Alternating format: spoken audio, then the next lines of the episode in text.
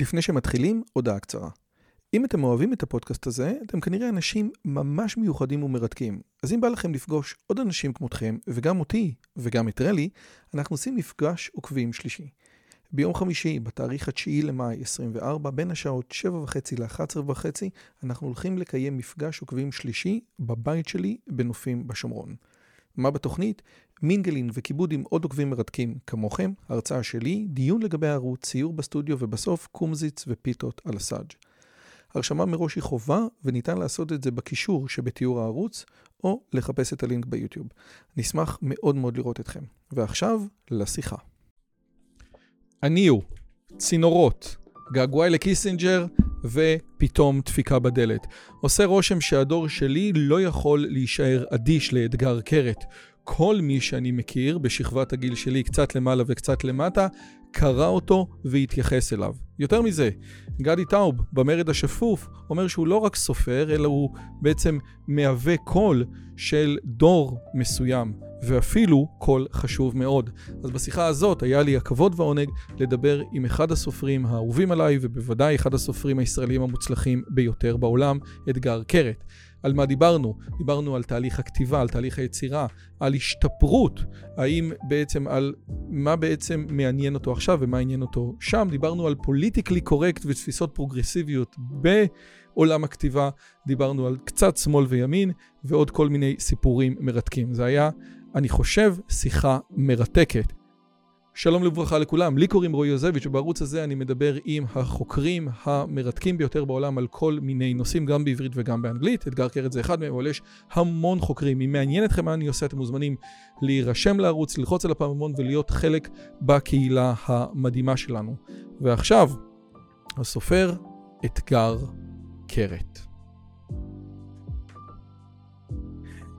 אתגר קרת, אני חושב הסופר שאני קראתי אותו הכי הרבה בעולם, או אם תרצו באנגלית, Urban Challenge, בוקר טוב, מה שלומך?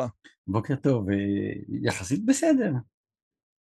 תקשיב, אני מנסה להגיע לשיחה הזאת כבר המון המון המון זמן, ואני חושב שבפעם הראשונה שדיברתי איתך, או שניסיתי, אמרתי לך, תקשיב, אני מדבר עם שיחות עם גדולי עולם, ו...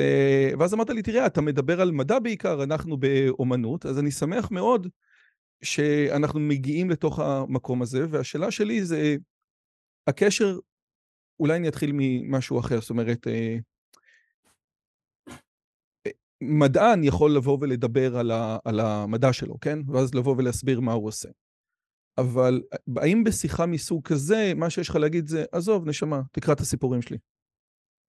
לא, לא, לא, בכלל לא. תראה, אני חושב שאני כותב כי יש לי איזשהו רצון לתקשר משהו, ולחלוק באיזשהו משהו שאני אולי לא בדיוק יודע איך לקרוא לו בשם, אתה יודע, כאילו זה, זה מין, אתה יודע, זה כמו שאתה יודע, שאתה בא ואתה אומר, תביא לי את הזה, נו נו נו, את הזה, את נו נו נו נו, כן, עכשיו אז אני אומר, אז מה שקיים קיים עוד לפני הסיפור זה איזושהי תחושה של דחיפות, זאת אומרת זה איזשהו צורך לדבר על איזה משהו, עכשיו אני אומר, אה, בסיפורים אני, אני יכול לדבר על דברים מסוימים שאולי קשה לי לדבר עליהם בחיים, או אני יכול לדבר עליהם באופן אחר, אבל אבל מה שבטוח קיים זה, זה הצורך לדבר והצורך לנסות להבין והצורך לנסות להסביר, זה לא, אתה יודע, אני לא חושב שזה זה משהו כזה מין קריפטי כזה רוחני, אני אומר תכנס לחדר, תאכל גויאבה, תעצום עיניים, עוד חצי שעה תבין, אני מנסה להגיד משהו, אני גם לפעמים, אתה יודע, אני, בסיפור לרוב אתה, אתה לא לגמרי מבין מה אתה מנסה, אתה רק, לומר, אתה רק יודע על איזשהו כיוון, אבל אני תמיד שמח לנסות לדבר על סיפורים, לרוב שזה יוצא טרחני, אבל אבל אם מי שמוכן לסבול, אני כאן. אז אנחנו נגיע לזה. אה, מה שאתה אומר ככה, מהדהד לי, יש, ב, אני חושב, בפרק האחרון ברשימותה של חתול רחוב אצל ניסים אלוני, הוא מדבר על החולדה שחייבת כל הזמן לאכול, כי אחרת השיניים שלה ייכנסו לה לתוך המוח, והוא מדבר על זה שהוא חייב כל הזמן לכתוב. והרעיון הזה, כאילו, על, על זה אתה מדבר בהקשר הזה שיש לי, אני, אני חייב להוציא את זה, כן? תקרא, כן. לא תקרא, אני צריך להוציא את זה. אז תראה, אתה יודע, היו לי הרבה מחשבות, בגלל ש... שהחותן שלי, שהוא גם היה חבר שלי והיה קרוב אליי, יונתן גפן, אז הוא נפטר... ויהיה שיחה לעילוי נשמתו. כן, אז, אז זהו, אז, אז, אז, הוא, אז הוא נפטר, ו, ויצא לי, אתה יודע, הרבה פעמים דווקא ש... ש, שמישהו נפטר, אתה מסתכל עליו, ומשהו בפרספקטיבה קצת אה, נפתח או משתנה. והייתה לי איזושהי מחשבה לגבי אה, יונתן, ש... בעצם הרבה פעמים אה, בן אדם, איך אומרים, הוא כאילו גר בתוך עצמו, ו, ואז בוא נגיד יש לו איזה חצר, בוא נגיד הוא גר בתוך החיים, אתה יודע, יש לו ילדים, יש משפחה, יש לו אני לא יודע מה בית, הוא גוזם את הדשא, ואז הוא יוצא כזה לגיחות נניח לעולם הדמיון, הוא נכנס וכותב ספר, נניח מאיר שלו זיכרונו לברכה היה בדיוק כזה, זאת אומרת הוא חי את כל החיים שלו, וכמה שעות בגינה, ביום... בגינה, בגינה, חי בגינה ממש, הוא קשוח. הוא חי בגינה, הוא תיקן את האופנוע, הוא לימד אנשים זה, זה, וחמש שעות הוא היה נכנס ביום, אתה יודע, היה כותב, והוא היה הולך לארץ נפלאה, ואז חוזר וחי את חייו. וחשבתי שיונתן היה בו משהו שמהבחינה הזאת, ש... שאם החיים זה בית, אז יונתן היה בו משהו כמעט הומלסי, ברמה הזאת שהוא גר במקום שהוא כתב. זאת אומרת, בעיקרון תמיד הרגשת ש... שאם היית אומר לו, אה, תגיד לי איזה יום היום, או תכין לי סנדוויץ', או תחבר לי שיר, אז הוא היה אומר, אתה יודע מה, עדיף שיר, זה יותר קל לי, אני עושה את זה יותר טוב, בוא כאילו, איזה יום היום תשאל מישהו אחר. עכשיו, אני חושב שבאמת שיש משהו בדבר הזה, שחשבתי עליו שאני מאוד מכיר אותו מתוכי, זאת אומרת שיש איזשהו משהו באמת בכתיבה שמעבר להכל, אתה יודע, זאת אומרת מעבר לאיזושהי פונקציה מתקשרת עם העולם, אני חושב שהפונקציה הבסיסית של זה זה איזושהי דרך אה, לדבר עם עצמי, אפילו להרגיע את עצמי, אה, לנסות, אה, זה קצת אני לא יודע מה, נניח למצוא, אתה יודע, לאחוז באיזשהו מעקה כשאתה מרגיש שאתה מאבד את השיווי משקל, ואז הדבר הזה הוא, הוא בעצם, אתה יודע, זאת אומרת, אתה, אתה, אתה קודם כל כותב, אחר כך אתה שואל את עצמך מה אתה כותב, או למה אתה כותב, או אם מישהו יקרא את זה, אתה יודע, זה, אני, זה כאילו, זו פעולה כל כך אה, בלתי נשלטת ולא רצונית, ש, שאחת הידיעות הכי טובות שלי, אז אה, עבדנו ביחד, ויש לה את ה... את ה היא כאילו גיבתה את ההארד דיסק שלי. אז כל יום הולדת היא תמיד מביאה לי סיפור שלי שכתבתי ושכחתי שכתבתי. היא פשוט עוברת על ההארד דיסק ואומרת, אוי, זה נראה לי יפה. זה אחד מהשאלות שלי, בגלל שאמרת את זה גם בגיקונומי, שמצאו שני סיפורים שלך, ואני אומר, אני חייב, ש... אני חייב שתסביר לי את הקונספט הזה, מכיוון שגם כתבת, אני חושב באחד הראיונות שלך, לפני שיצא פתאום דפיקה בדלת, אמרת שכתבת איזה המון המון המון דברים, וארדיסק הלך, ואמרת, טוב, כנראה זה לא היה מספיק טוב, או משהו כזה. כן, כי, כי זה כאילו, כי מה שאני חושב שיש איזשהו משהו במלאכה של הכתיבה, עכשיו אתה יודע, אני אגיד לך, דווקא, דווקא בעניין הזה אני חושב שאפשר להשוות את זה, אתה יודע, זאת אומרת, באופן מכבד ואמונה. כי, כי יש, יש איזשהו משהו, אה, אתה יודע, זאת אומרת, שאתה עושה משהו, אתה, אתה בעצם, אתה יודע, אתה צריך לעשות אותו לשם שמיים. אתה יודע, אם אני, אם אני בא ואני עושה, בוא נגיד, פסבדו מצווה, בשביל שאתה תח, תחשוב שאני בן אדם אה, טוב, ולא יודע מה, ותיתן לי לקחת את בתך לאישה, אז אני לא ממש עושה מצווה. עכשיו, אני חושב שגם בכתיבה זה ככה, זאת אומרת שאתה קודם כל כותב, ואתה כותב גם מתוך איזשהו מקום שאתה בא ואתה אומר, אני לא, לא חושב על הפונקציה של זה, אני לא חושב על זה שיהיה איזה פי אוף, אני כל... אתה, אתה יודע, אני אספר לך משהו, אולי זה לא קשור, אבל, אבל uh, הבן שלנו לב, אז כשהוא היה ילד, אז, אז תמיד היה איזשהו עניין כזה עם, הסיפ, עם, איזה, עם סיפורים לפני השינה. כי יונתן הוא, הוא היה סופר ילדים, והוא, אתה יודע, הוא גם מאוד השכיל בתחום הזה, הוא קרא המון המון סופרים או משוררי ילדים, ושירה היא גדלה על ברכיהם.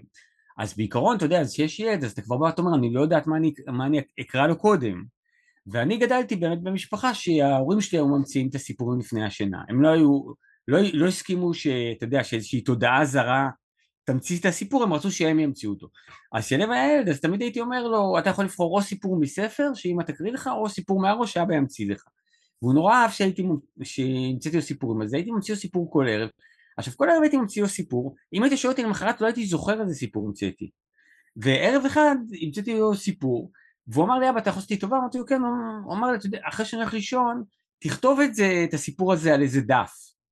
אז אמרתי לו אבל למה לכתוב? אני כבר סיפרתי לך אותו, אז הוא אומר כי ככה אנחנו מתפרנסים במשפחה.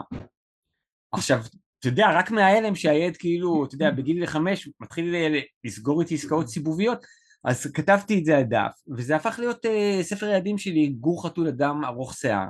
עכשיו, תאורטית יכול להיות שמאה סיפורים האחרים שכתבתי גם היו יכולים להיות ספרי ילדים, אתה יודע. אבל איכשהו יש איזה איזשהו מין מסלול טבעי, ו... ואני חושב שיש בזה איזשהו משהו, אתה יודע, כמו כל דבר בחיים, שאתה נדיב עם האהבה שלך, ואתה נדיב עם התובנות שלך, ואתה נדיב עם הדמיון שלך, אז בסוף מה שאיכשהו נשאר זה כאילו זה משהו טוב, אתה יודע, זאת אומרת העניין הזה של לבוא ולהגיד, אה, יש לי רעיון, אה, אה, אני מחזיק את הרעיון, רגע, רגע, תביאו מישהו, יש לי רעיון. אתה יודע, זה, אתה לא יכול ליצור ככה. אני, תקשיב, אני, אסף וייס, שהוא גם חבר וגם בחור שאני מעריך אותו מאוד, שעשה איתך את השיחה בקמפוס, אמר, אני עושה עם אתגר קרת משהו אחר, זה איתי שיחה אסוציאטיבית. ואז אמרתי לעצמי, איזה מטומטם, עד שאתה כבר מדבר עם אתגר קרת, בוא, תכין משהו. ואז אמרתי לעצמי, תקשיב טוב, אני לא אעשה שיחה אסוציאטיבית עם אתגר קרת, אבל אני, אני שכחתי שאני מדבר עם המאסטר אסוציאטיביות, זה נורא נורא נורא קשה. אז... אבל, אבל, אבל אני אגיד לך משהו, זה כאילו יש איזה איזשהו סוג של ערך, אני גם, גם אני, אני יכול לנסות, אתה יודע, להיות לא אסוציאטיבי, אתה יודע, אני פרופסור באוניברסיטה, בשביל את הקביעות הייתי צריך להעמיד פנים שאני מישהו שאני לא, אז אני אומר, אז, אז, אז אין לי בעיה, אבל מה שאני מרגיש, אתה יודע, נניח שאני כותב סיפור, או שאני מרצה, או שאני מדבר איתך, אז אני מרגיש שאם נניח יש לי אג'נדה נורא נורא מסודרת, ויש כמה דברים שאני רוצה לגעת בהם, ויש דברים שאני רוצה להגיד, ואני לגמרי בשל... בשליטה בדבר הזה, אני באיזשהו מקום לא אותנטי איתך ולא אותנטי עם עצמי. אני בעצם, יש לי איזה דף מסרים ואני מעביר לך אותו. עכשיו, אני באמת, אני, יש בי איזה משהו ש...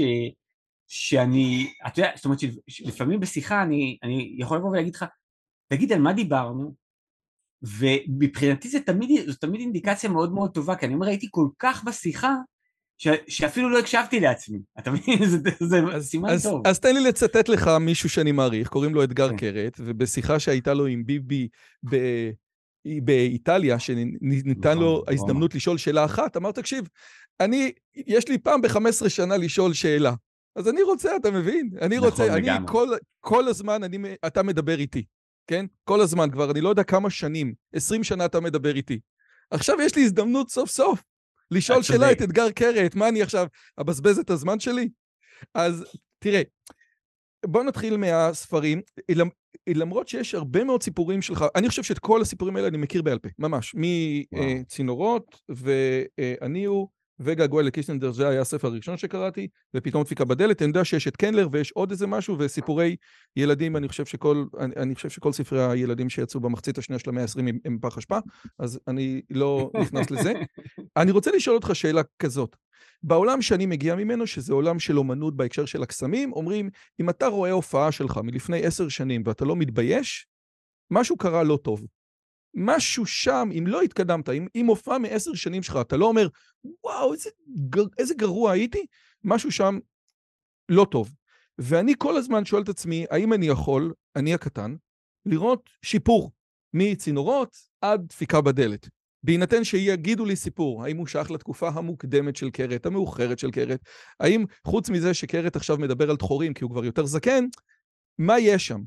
ואני לא מצליח, לא מצליח לראות שאתה משתפר. או לא כן. לא מצליח לראות שהיית פעם רע, כן, סליחה שאני, אתה יודע, אני... כן, כן, כן. אתה כן מצליח לראות את זה? אז תראה, קודם כל אני אגיד לך, אני חושב, אני לא מסתכל על, על כתיבה במונחים של שיפור, גם אני, אתה אמרת שאתה בא מהתחום של קסמים, נכון? כן. אז אני אדבר איתך אחר כך קסמים, כי, כי קסמים, אני הייתי קוסם וחובב כעד, וזה משהו שמאוד מעניין אותי, אבל... ויש לך אבל... שני סיפורים של קסמים.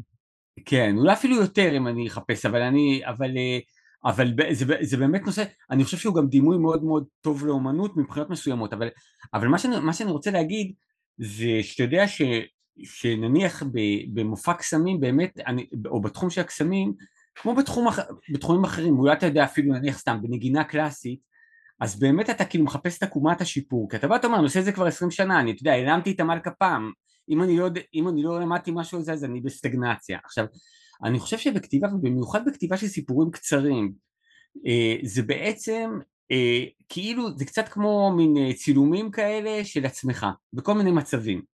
עכשיו נניח, אני לפעמים מצטלם, רואה תמונות שלי שהייתי צעיר, שהייתי בן 22. עכשיו, אני כמעט בכל התמונות אני עם חולצת רשת, אני לא יודע אם אתה זוכר שפעם הייתה אופנה כזאת, זו חולצת רשת כזאת, אתה יודע שאתה בעצם זה פלג גוף עליון חשוף. כן, זה כאילו- אביב גפן, אה, להקת היהודים סטייל כאלה. כן, אז זהו, אז אני כאילו הולך עם חולצות רשת, יש לי תספורת של אלי אוחנה כזאת. עכשיו, יש לך את, עכשיו, עכשיו יש לך את התמונה החדשה שזה אברי גלעד. תמונת okay, אוקיי, אברי כן, גלעד שלך. אתה, אתה אומר לא פחות בעייתי, לא פחות בעייתי. אז, אז, אז אני אומר, ואני מסתכל על התמונה הזאת, עכשיו אם אתה שואל אותי, אתה בא ואתה אומר שאתה מסתכל על אתגר היום וזה, אז אני אומר לך, תשמע, אתה יודע, נראה לי הטעם שלי בבגדים משתפר. עכשיו, בתכלס גם קצת השמנתי. אה, גם, אתה יודע, השיער שלי האפיר, אבל מצד שני, יש לי מבט פחות מטופש בעיניים. אז אני אומר, אז אתה יודע, כשאתה מסתכל על כל הדבר הזה, אז, אז אני חושב שבן אדם, אתה יודע, יש לנו שאיפה להשתפר, אבל כשאתה מסתכל על עצמך שהיית בן 22 או בן 17 או בן 14, אתה בא ואתה אומר, אני אהבתי את האומץ שלי אז, אבל הייתי גס רוח. אתה יודע, אני, היה לי יכולת אז, המוח שלי היה מה זה מהיר, אבל, לא, אבל בעומק לא למדתי כלום. אתה יודע, אז אני אומר, אז כשאני מסתכל על סיפורים, אז יותר ממה שאני חושב שהשתפרתי, אני חושב שאני אה, קולט שמעניינים אותי דברים שונים באותן תקופות. עכשיו, אתה יודע, אגב, זה מוזר כי גם הגילוי הנאות הוא זה שאני בתור כותב, יש לי סיפורים שאני כותב אותם שוב ושוב. עכשיו, אני כותב את אותו סיפור. עכשיו, בתקופות שונות הסיפור הוא קצת נכתב אחרת כי מעניין אותי משהו אחר. נניח סתם, יש לי סיפור שהוא, אני חושב שהוא אחד הסיפורים הכי מוכרים, מוכרים שקוראים לו לשבור את החזיר. עכשיו זה סיפור באמת על אה, ילד שאבא אה, אבא שרוצה לחנך את הילד שלו לחסוך כסף אז הוא מביא לו קופה של חזיר ואומר לו שתאסוף את הכסף. זה הסיפור הראשון בגעגועי לקיסינג'ר. בגעגועי לקיסינג'ר. ובעצם הסיפור הזה הוא על מתח בין ילד לאבא כי בעצם ה, הילד רואה בקופת החזיר חבר והאבא רואה בה איזושהי פונקציה. עכשיו 17 שנה אחרי זה כתבתי סיפור שקוראים לו יורים בטוביה. זה ילד שיש לו כלב והכלב נושך את כולם, והאבא רוצה להרוג את הכלב, כי הוא אומר כלב רע רוצחים אותו, והילד רוצה לשחרר את הכלב. עכשיו, אני אומר, כשאני קורא את שני הסיפורים האלה, הסיפור הוא אותו סיפור, אבל אני כבר בן אדם אחר, כי נניח בלשבור את החזיר, יש שם משהו נורא של ילד, שהוא מסתכל על המבוגרים ואומר כאילו, מה זה העולם הזה של המבוגרים הדפוקים הזה, ו... והסיפור הזה הוא מאוד, בוא נגיד סמלי, הוא מאוד כזה, לא יודע, התפסם בשדה השיפון סטייל, ויורים בטוביה הוא סיפור מאוד אלים ומאוד אכזרי ו- ובספר החדש שלי, בספר הבא שלי, יש לי עוד סיפור על כלבים שהוא גם סיפור, אתה יודע, על כלב וגם הוא מת ויש לי סיפור שקוראים לו רבין מת שזה על חתול שנדרס. עכשיו כל הסיפורים האלה הם בעצם אותו סיפור עכשיו אני מבחינתי המטרה שלי היא לא להשתפר ברמה הזאת של להגיד סיפור של 400 מילה אני אכתוב אותו ב-250 ואתה יודע בדיחה של רעידה שלוש בסולם ריכטר אני אעלה את זה לרעידה חמש. אלא אני בעצם אומר מבחינתי הסטגנציה זה אם אני הייתי כותב על אותם דברים ואם היו מעניינים אותי אותם דברים. כי אתה יודע, אני המון פעם רואה נניח אה, כוכבי רוק כאלה, שהם, אה, אז עכשיו עושים טורים כאלה, מין אלטון ג'ון וכל מיני כן. כאלה, אתה יודע, וזה אתה לפעמים רואה, כאילו, אתה, אתה רואה נניח Guns and Roses. עכשיו אתה בא ואתה אומר, אתה יודע, אקסל רוז, בגיל 25, של הגיטרה, על הבמה, אומר בואי מותק אני ארכיב אותך על האופנוע, אני שם גז, זה 160 קמ"ש, אתה אומר וואלה, אחלה שיר. עכשיו אתה רואה אותו בן 70 שר את זה, אתה אומר כאילו אחי, כמו שאתה אומר, תשאיר על התחורים, שיר על הפרוסטטה, אתה כבר לא, לא תרכיב אף אחד 160 קמ"ש, על מי אתה עובד? אז אני חושב שבאמת ה... עבורי הכתיבה היא איזשהו מקום של חיבור להווה, וההווה הזה הוא כל הזמן משתנה, ולפעמים אני מסתכל עליו והוא יותר מדי דומה, אז הביקורת שלי היא לא אליי כאומן, אלא אליי כבן אדם, כי אני אומר, תשמע, אתה כבר 20 שנה מסתובב באותו מעגל. אז את זה כן, אני... קודם כל, וואו, אני, איך, איך, איך, איך שאמרת לי על לשבור את החזיר, שאגב, אה, אני, לא, אני חושב שאני ועוד הרבה אחרים לא יכולים לראות קופת אה, חיסכון של חזיר מבלי לחשוב עליך, מנוול. אה, אז אמרתי לעצמי, אוקיי, מעניין, הוא אומר שיש עוד סיפור כזה, ואז אני מנסה לחשוב בראש, רגע, על איזה עוד סיפור כזה הוא יכול לדבר? כשאתה מדבר על יורים בטובי, אני אומר, וואו, נכון. ואני לא הייתי יכול, אם היית אומר לי עכשיו בתור כאילו שאלה במבחן, יש שני סיפורים שהם אותו דבר מבחינתי, אחד זה לשבור את החזיר, לא הייתי מגיע לזה. לא הייתי מגיע לזה, אבל עכשיו שאתה אומר זה באמת נכון. כי זה מהצד של המנוע, זאת אומרת זה פחות uh, מזה ש... אתה מבין, זאת אומרת החוויה הסיפורית היא שונה. כי הנושא הוא... לא, לא, לא, כי... זה מדהים, אתה, אתה בסדר, כן. כאילו, לא, אבל אני מאמין לך. אבל, אבל אני אומר שמהצד של ה... כאילו, יותר קל להבין את זה מהצד של הבנאי. אתה מבין? זאת אומרת, כאילו, הבנאי בא ואומר... לגמרי. כן. יש מחקר, יש אה, מחקר מדהים שמבקשים מפיזיקאים לקחת הרבה בעיות ו... ו, ו, ו לעשות להם קלסיפיקציה, להגיד, אוקיי, זה בעיות ששייכות לסוג מסוים, זה בעיות ששייכות לסוג אחר. אתה רואה אנשים שאין להם ניסיון בתחום, אז הם אומרים, אוקיי, זה בעיה שעוסקת בתנועה. זאת אומרת, כאילו, עושים הפרדה מאוד שטחית, ופיזיקאים יותר רציניים הולכים, זה נפתר באמצעות עיקרון של הפרדת משתנים. ואני חושב שזה בדיוק מה שקרה עם הטובי הזה, וזה כן. באמת מדהים. אני אגיד לך את האמת, ברמה מסוימת אתה לא כל כך ענית לי, כי זה בוודאי נכון, שניתן לראות בדברים הצעירים, נניח ממש געגוע לקיסינג'ר, הרבה מאוד דברים של, דברים יותר של צעירים, ובדברים האלה של פתאום דפיקה בדלת, שאתה כבר יותר מזדקן ויש לך ילדים והדברים האחרים, זאת אומרת, כבר דברים אחרים מעסיקים אותך דברים פחות מהצבא למשל, שהעסיקו בספרים הקודמים. ולמרות זאת, מכיוון שאני, אתה יודע, אני מדבר איתך, אז אני אביא תנא מסייע, סטיבן קינג, כן, ב-on writing. מדבר על זה, אתה יודע, שהספר הראש... שהסיפור הקצר הראשון שהוא כתב, ה horror story, החזירו לו ואמרו לו זה איום ונורא, ואז הוא שם אותו על, אתה יודע, זה סיפור אגדה יפה כזה, כן? אבל אני בן אדם מאמין, אז אני מאוד אוהב סיפורי uh, אגדות.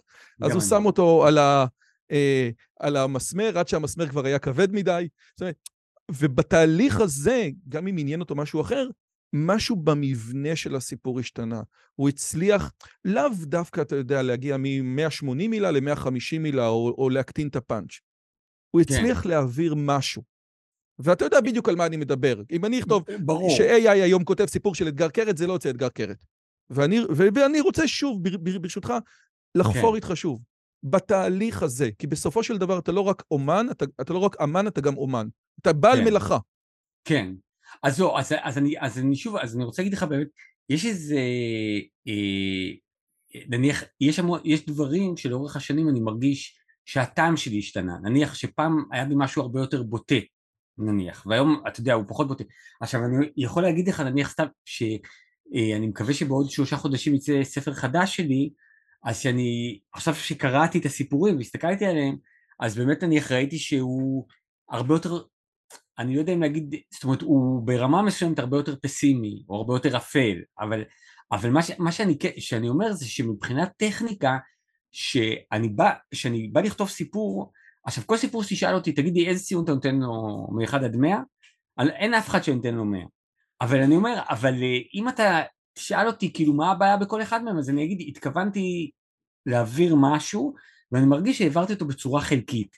עכשיו בדבר הזה אני חושב שאתה יודע שנניח היום יש לי כלים להגיע קרוב יותר, להציג דברים בצורה שלמה יותר בסיפורים מסוימים, ויש סיפורים שאני נשארתי רחוק באותה מידה, אני לא, אתה יודע, אין לי פטנט, אני לא יודע לעשות שם עוד צעד, אבל יש, יש היום, באמת, אני, אני חושב שבאמת הדבר ש... אה, אם אני כאילו לוקח פרמטרים כאלה, אז אני אומר שפעם אני חושב שהיה בי הרבה יותר, בוא נגיד, אה, זעם ונחרצות, זאת אומרת כאילו היה לי, ידעתי מה נכון כזה, חשבתי שאני יודע מה נכון, ואני חושב שהיום יש בי משהו שהוא הרבה יותר בוא נגיד אה, אה, אה, אמפתי ואיכשהו מסוגל להכיל. עכשיו אם אתה שואל אותי מה יותר טוב, אתה יודע, זו שאלה, האם, אתה יודע, אם יוצא אליי מישהו עם לום כאילו בצומת, אז אתה יודע, אז אני מחפש קצת זעם, אתה מבין? ואם אה, אה, נדרס השכן הכלב, אז אני, אתה יודע, אז האמפתיה מועילה, אבל אבל קשה לי באמת לראות את זה באיזושהי רמה אולימפית, אתה יודע, אני גם רוצה להגיד לך משהו, אתה יודע, לדעתי רוב האומנים שאני מכיר, מכיר רובם, אה, בוא נגיד אה, הם יצרו ופעלו והיו מאוד מאוד אה, פורים בין גילאים 20 ל-35 נניח גג, אולי 40. פרס ו... פילדס לא נותנים במתמטיקה אחרי גיל 40, אם לא עשית במתמטיקה משהו חשוב עד גיל 40 אתה כבר לא תעשה.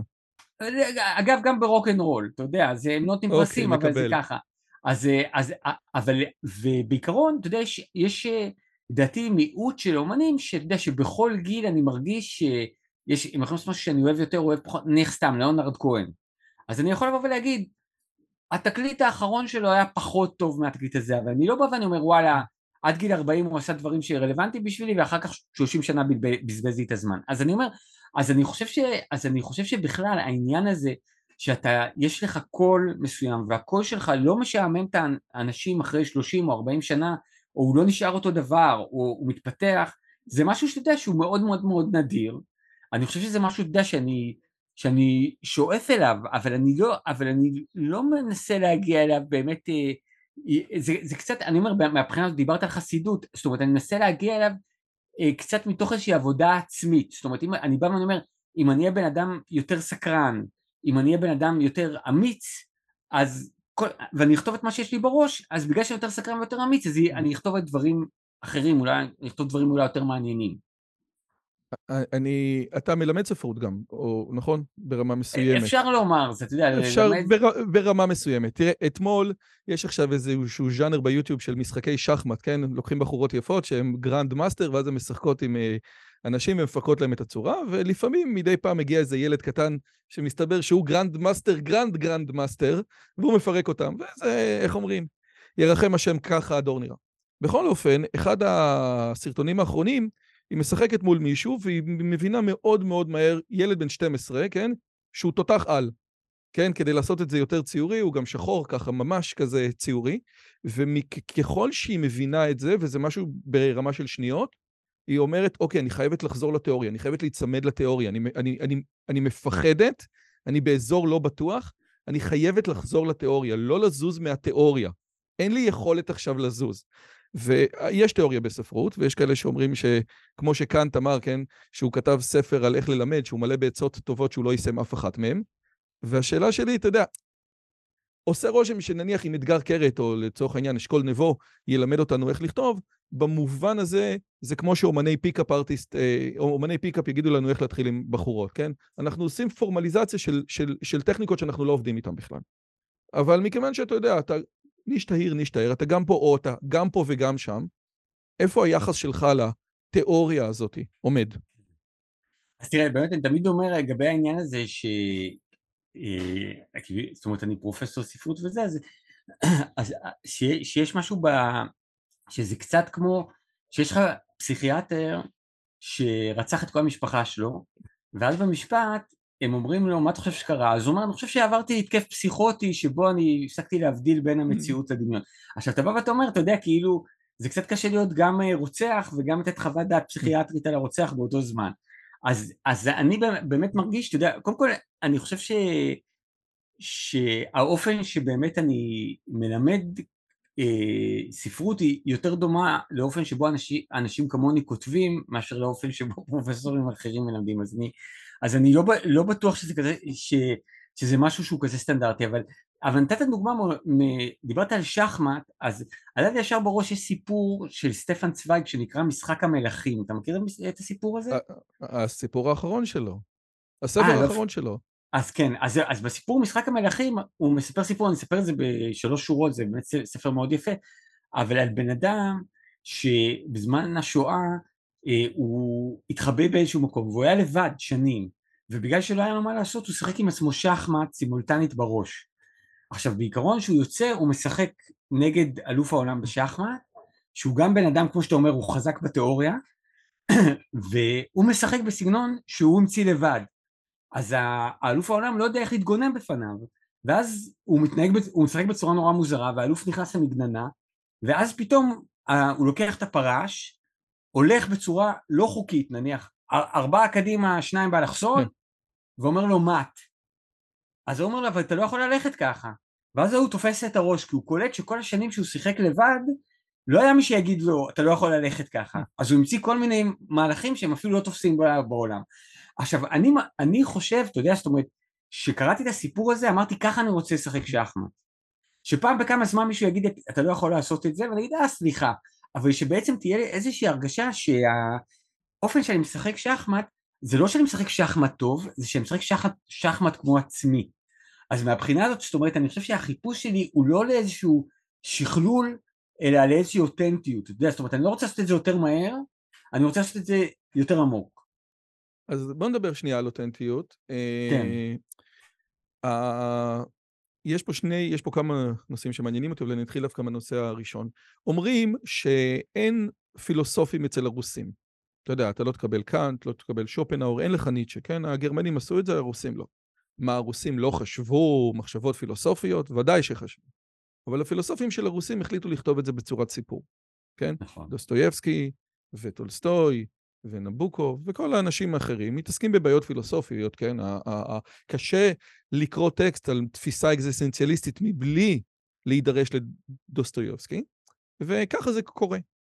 ועושה רושם שהסיפורים שלך יש בהם איזשהו צד פילוסופי, רק בשונה מדוסטויבסקי, הוא לא גמור. הוא לא, הוא, הוא לא גמור, אין, מה, מה, מה, מה הולך פה, כן? ו, וברור שזאת יצירה פילוסופית במובן הזאת שהיא היא, היא, מתעסקת עם המשמעות, כן? יש, מה, מהזה האחרון, אני אקריא איזה משפט שאני, יוצא לי לחזור עליו הרבה. למה היא לא זורמת האישה שלי? למה להגיד על נשים עם בושם זול זונות זה קל לה, אבל להגיד לילד קטן אני ג'ירפה זה גובל בשבילה בבלתי אפשרי. זה מכעיס אותי, זה גורם לי לרצות להכות. לא אותה, אותה אני אוהב, אבל מישהו. לפרוק את התסכולים שלי על אחד שמגיע לו. ימנים, שתהיה בריא, לא חשוב. נו, ימנים יכולים להוציא את כל הזעם הזה על ערבים, גזענים על כושים, אבל אנחנו בשמאל הליברלי לכודים. חישקנו את עצמנו, אין לנו על מי להתפוצץ. כן. זה נפלא. זה איום ונורא, כן, מהצד שלי, אבל זה נפלא לגמרי. כן, לא, לא, אני לא חושב שזה... כן. תראה, אני, אני חושב שמה שזה אומר, זה אומר דבר נורא נורא פשוט. כל האנשים, יש בהם זעם ואלימות, ו, וכל האנשים רוצים לפרוק אותם, ואנחנו מחפשים איזושהי תבנית שהדבר הזה שהוא מוצדק ממשהו אחר, אנחנו נמצא לו הצדקה במציאות. אתה מבין, אני כאילו בא לתת סטירה, אז אם יבוא גם אחד שמגיע לו ונותן לו סטירה, אז אתה יודע, זה...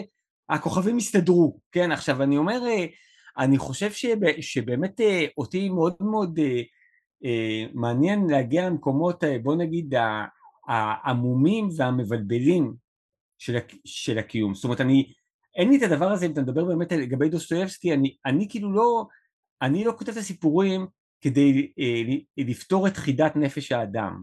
אני כותב את הסיפורים כדי לצעוק, אה, סליחה אדוני, יש כאן בעיה, יש כאן בעיה בנפש האדם, סליחה, אתה יכול... עכשיו בעיקרון, בד... אני, אני חושב שבאמת, אתה יודע, שזה קצת, אם אנחנו מדברים על, על, על היחסים בין קורא לכותב, כאיזשהו סוג של דיאלוג, אמנם דיאלוג שכמו כאן, שאני מדבר כל הזמן ולא נותן לך להכניס מילה, אבל אני אומר, אבל עדיין, סוג של דיאלוג. אז אני אומר, אז בעצם... זה נפלא. לא, אז, אני, אז, אני, בעצם חושב, חושב שיש איזשהו משהו בדיאלוג שאת, שדיאלוג בהגדרתו הוא שווה משהו אם הוא פתוח, אתה מבין? אני נניח אחת הסיבות שהיום אני כבר כמעט לא מתווכח, אתה יודע, בטח לא בפורומים, אני לא אגיע לפאנל או משהו, כי באמת, אתה יודע, זאת אומרת, אני זוכר את זה, אתה יודע, שהייתי הולך לוויכוחים, אני, אני אתה יודע, בן אדם מבוגר, אני כבר 30 שנה, הייתי, לפני 30 שנה רבתי עם אנשים בטלוויזיה, אז אני זוכר שהייתי הולך לוויכוחים ברצינות, היה לי פחד אמיתי כזה, שהייתי אומר, מה אם הם ישכנעו אותי? מה אם אני אלך לוויכוח ומה אם הוא יפיל אותי? עכשיו בעיקרון, עכשיו אתה יודע, הפחד הזה הוא היה פחד בריא, וגם לפעמים היו משכנעים אותי, לעיתים רחוקות, אבל בעצם הרגשתי שאני עושה איזשהו משהו משמעותי, זאת אומרת, שאני בא לאיזושהי זירת היאבקות, שמישהו יכול להפיל אותי ואני יכול להפיל אותו. עכשיו היום אתה כבר מגיע לאיזשהו סוג של דינמיקה שהמטרה היא כאילו מין להשמיד עם איזשהו סוג של כטב"ם, אז אתה כבר בא, אתה בא ואתה אומר קודם כל אני לא נמצא לא. שם, אז, אז להפיל אותי אי אפשר. דבר שני, אולי אני ארק עליו ויקרה איזה משהו. עכשיו אתה יודע, אז אני אומר, אז אתה כבר בא ואתה אומר, זה לא נעים להיות ככה. עכשיו אני, כשאני נכנס לשיחה, באמת, אני כאילו, אתה יודע, זה כמו שאתה נכנס, לא יודע מה, לקניון, אז אתה, אם יש לך נשק, אתה מראה שיש לך אקדח כאילו, כשאני נכנס לשיחה, אני, אני חושב שהחובה שלי גם בכתיבה זה אה, אה, להצביע על הפגמים של עצמי, זה להבין מה החולשות שלי, זה להבין איזה דברים אני אומר, אבל בעצם האם אני מתכוון להם באמת. אני אומר, זה בעצם, זה התנאי פתיחה לאיזשהו סוג של שיח. אתה מבין? אם אני אבוא ואני אבוא ואני אגיד לך, תשמע, בתור בן אדם אה, רוחני ומשכיל, שרודף אחרי מוסר, אני רוצה להגיד לך, שאני לא מרוצה ממך, אתה מבין? אז אני אומר, כבר כאילו, אתה מבין, כבר יש איזשהו משהו בשיחה הזאת שאתה בא ואתה אומר, למה, למה אני מוסרי? אני כזה מוסרי? יש לי כמה דוגמאות פחות מוסריות. אתה יודע, אני זה, זה, אני ככה, מי אני שאני אגיד לך, אתה יודע, עכשיו אני בא ואומר, אני צריך לבוא ולהגיד לך, תשמע, לפעמים אני משקר, כן? וגם, אתה יודע, כשאני קונה בסופר, שהוא מסתובב, אני לוקח את הקשיו ואוכל ולא משלם, אבל בכל זאת אני חושב שמה שאתה עושה זה לא מוסרי. עכשיו אתה יודע, אם אני אומר לך את זה, יש איזשהו סוג של אינטגריטי לשיח. כן, רגע, שנייה. קודם כל הייתי כל כך בשוק מזה שאתה אומר שאתה, מד... שאתה לא נותן לי לדבר, כי תמיד שנים כבר אומרים לי בתגובות שאני לא סותם את הפה, אז אני כל כך מרוצה מזה. אני, אני, אני מנסה לשאול את עצמי, אתה יודע, אם, אתה יודע, יש יש שני דברים שעולים לי לראש. אחד, אה, בביוגרפיה המפורסמת שדנקנר כתב על דן בן אמוץ, כלא יודע למה, אז כן. הוא...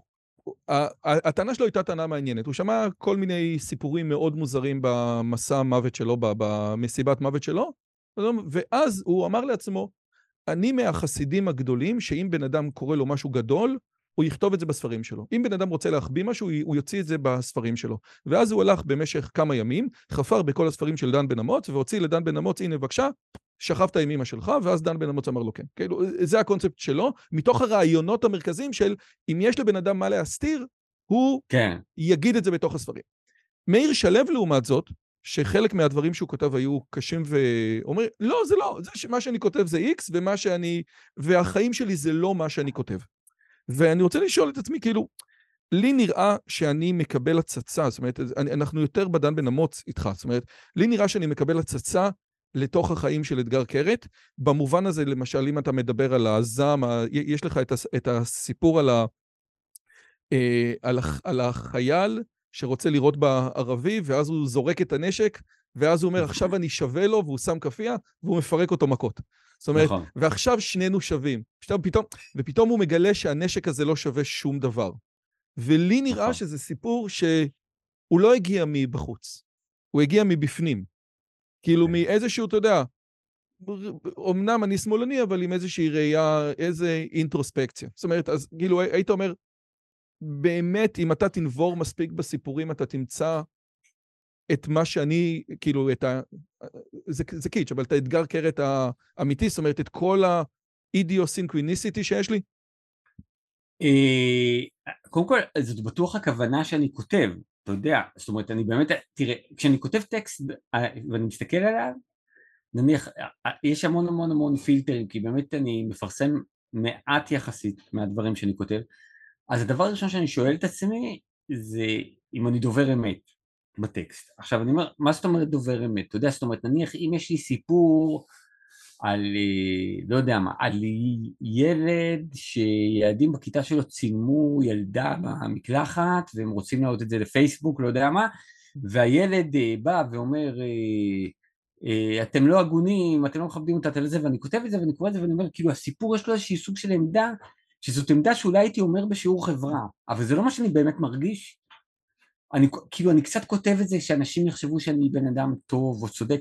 אגב, המון פעמים, לי זה קורה בעיקר, שאני אומר, בואנה, אני כתבתי את זה אה, כדי לצאת מתוחכם או משכיל. זאת אומרת, המון פעמים במחיקות שלי, אז את ה... אתה יודע, את ה... את הניטשה אני מוחק, כאילו, ואז הוא אומר, כמו שניטשה אמר, ואז הוא אומר, לא, לא, לא, זה לא טוב, רגע, זה מה שניטשה אמר, בוא נעביר את זה, אבל שלא נגיד, אתה יודע. אז אני אומר, אז החיפוש הוא כל הזמן, אני חושב, אחרי איזשהו מקום של אמת. עכשיו, אני, אני אומר את זה, לא, לא שאני כזה שקרן ביום יום, אני גם משקר, אני לא אומר שלא, אבל אני אומר, אני, אבל פשוט, אה, אני חושב שאם אני כזה עושה עצמי פסיכולוגיזציה, אז אני הייתי אה, בן זקונים לשני, לשני הורים ניצולי שואה. וההורים שלי באמת, אתה יודע, השם ירחם, אמא שלי איבדה את כל משפחתה, רצחו את אמה ואת אחיה מול עיניה, אתה יודע, באמת דברים נוראים. אז אני חושב שהיה איזשהו משהו בהתכוונות שלי בעולם שהיא מאוד הוכתבה על ידי היחס שלי להורים שלי, שהיו האנשים הכי קרובים אליי בעולם, שמצד אחד רציתי להיות מאוד אמיתי אה, אליהם, אבל מצד שני לא רציתי, רציתי לשמור עליהם. אמרתי הם סבלו מספיק, אז נניח, אז באיזשהו מקום נניח אם אה, פתחתי את הראש, הנה אתה רואה שהיא כאן צלקת, ואתה יודע, וכשאתה פותח את הראש זה כואב, היו לי 14 תפרים ואתה צריך לתפור אותי, ו... ואי אפשר היה להרדים אותי כי זה קרוב למוח, אתה לא יכול לעשות הרדמה מקומית, אז, אה, אז כשהרופא אה, שאל אותי, שהוא תפר אותי, הוא, למה אני לא צועק, אם זה לא כואב לי, אז אני אמרתי לו, זה לא עניינך. עכשיו בעיקרון, בעיקרון מבחינתי, אם אמא שלי בחדר, אני לא אגיד שכואב לי, אתה מבין? עכשיו אני אומר, אז, אז אני חושב שמתוך הצורך הזה התחלתי לכתוב, זה כאילו שהאיד שלך בא ואומר, הסופר אגו לא מתייחס אליי, אתה יודע, זאת אומרת 64 מנדטים, 64 מנדטים, אבל אנחנו כאן למטה גם רוצים להגיד, תקשיבו לנו.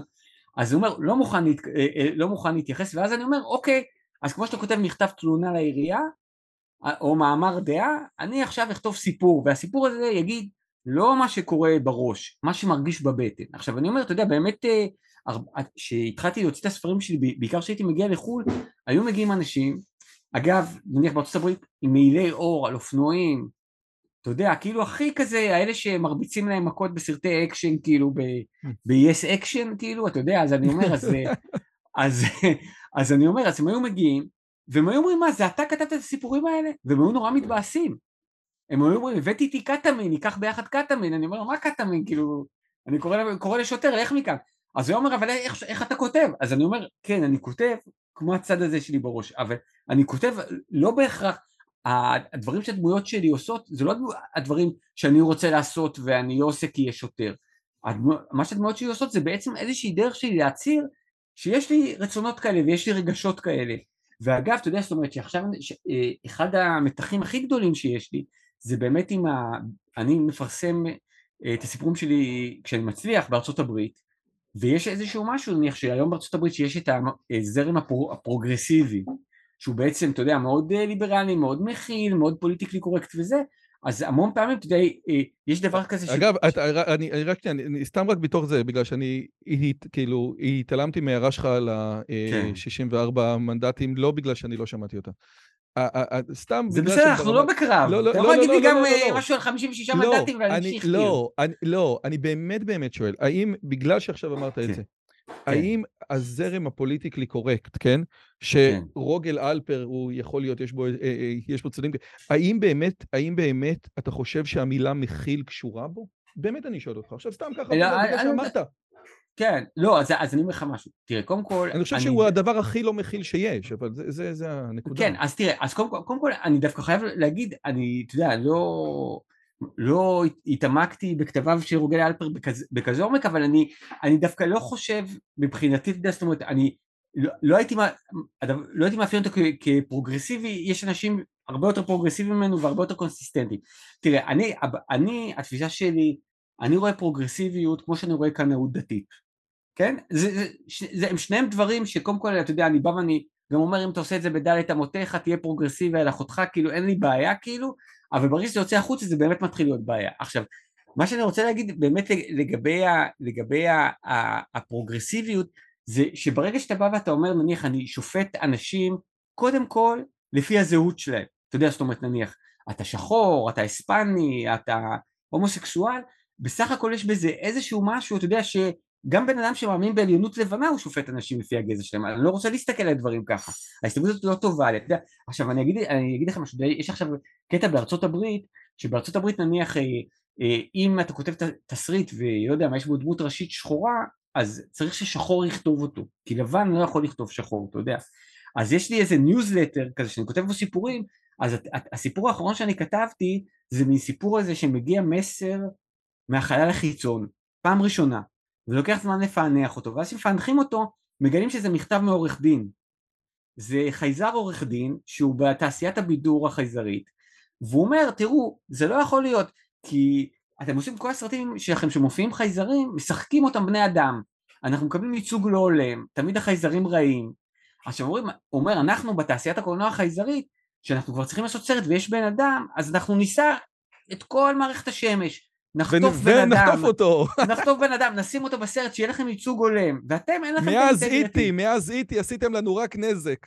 עכשיו, עכשיו, אתה יודע, הדבר הזה, שאני הייתי ב debate כזה עם פרוגרסיבים בארצות הברית, אז באמת אמרתי, אתה יודע, הם דיברו על העניין הזה של, ש, שרק טרנסג'נדר יכול לשחק טרנסג'נדר בסרט. ואז הם אמרו, טרנסג'נדרים מייצגים אותם בצורה לא הגונה בסרטים. אז אמרתי, תגידו, מה עם סוציופטים?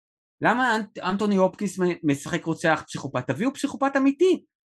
ואז הייצוג לא, של הפסיכופטים לא הולם. תקשיב, אני, אני, אני, אני חושב ששנינו בנקודה הזאת מסכימים שזה, שזה שני צידי המתרס של קנאות דתית. זאת קנאות דתית בצורה אחרת. שלום, נגמר. בוא, בוא רגע נתקדם למשהו שאני חושב שהוא... אה, אני דוס, כן? כן?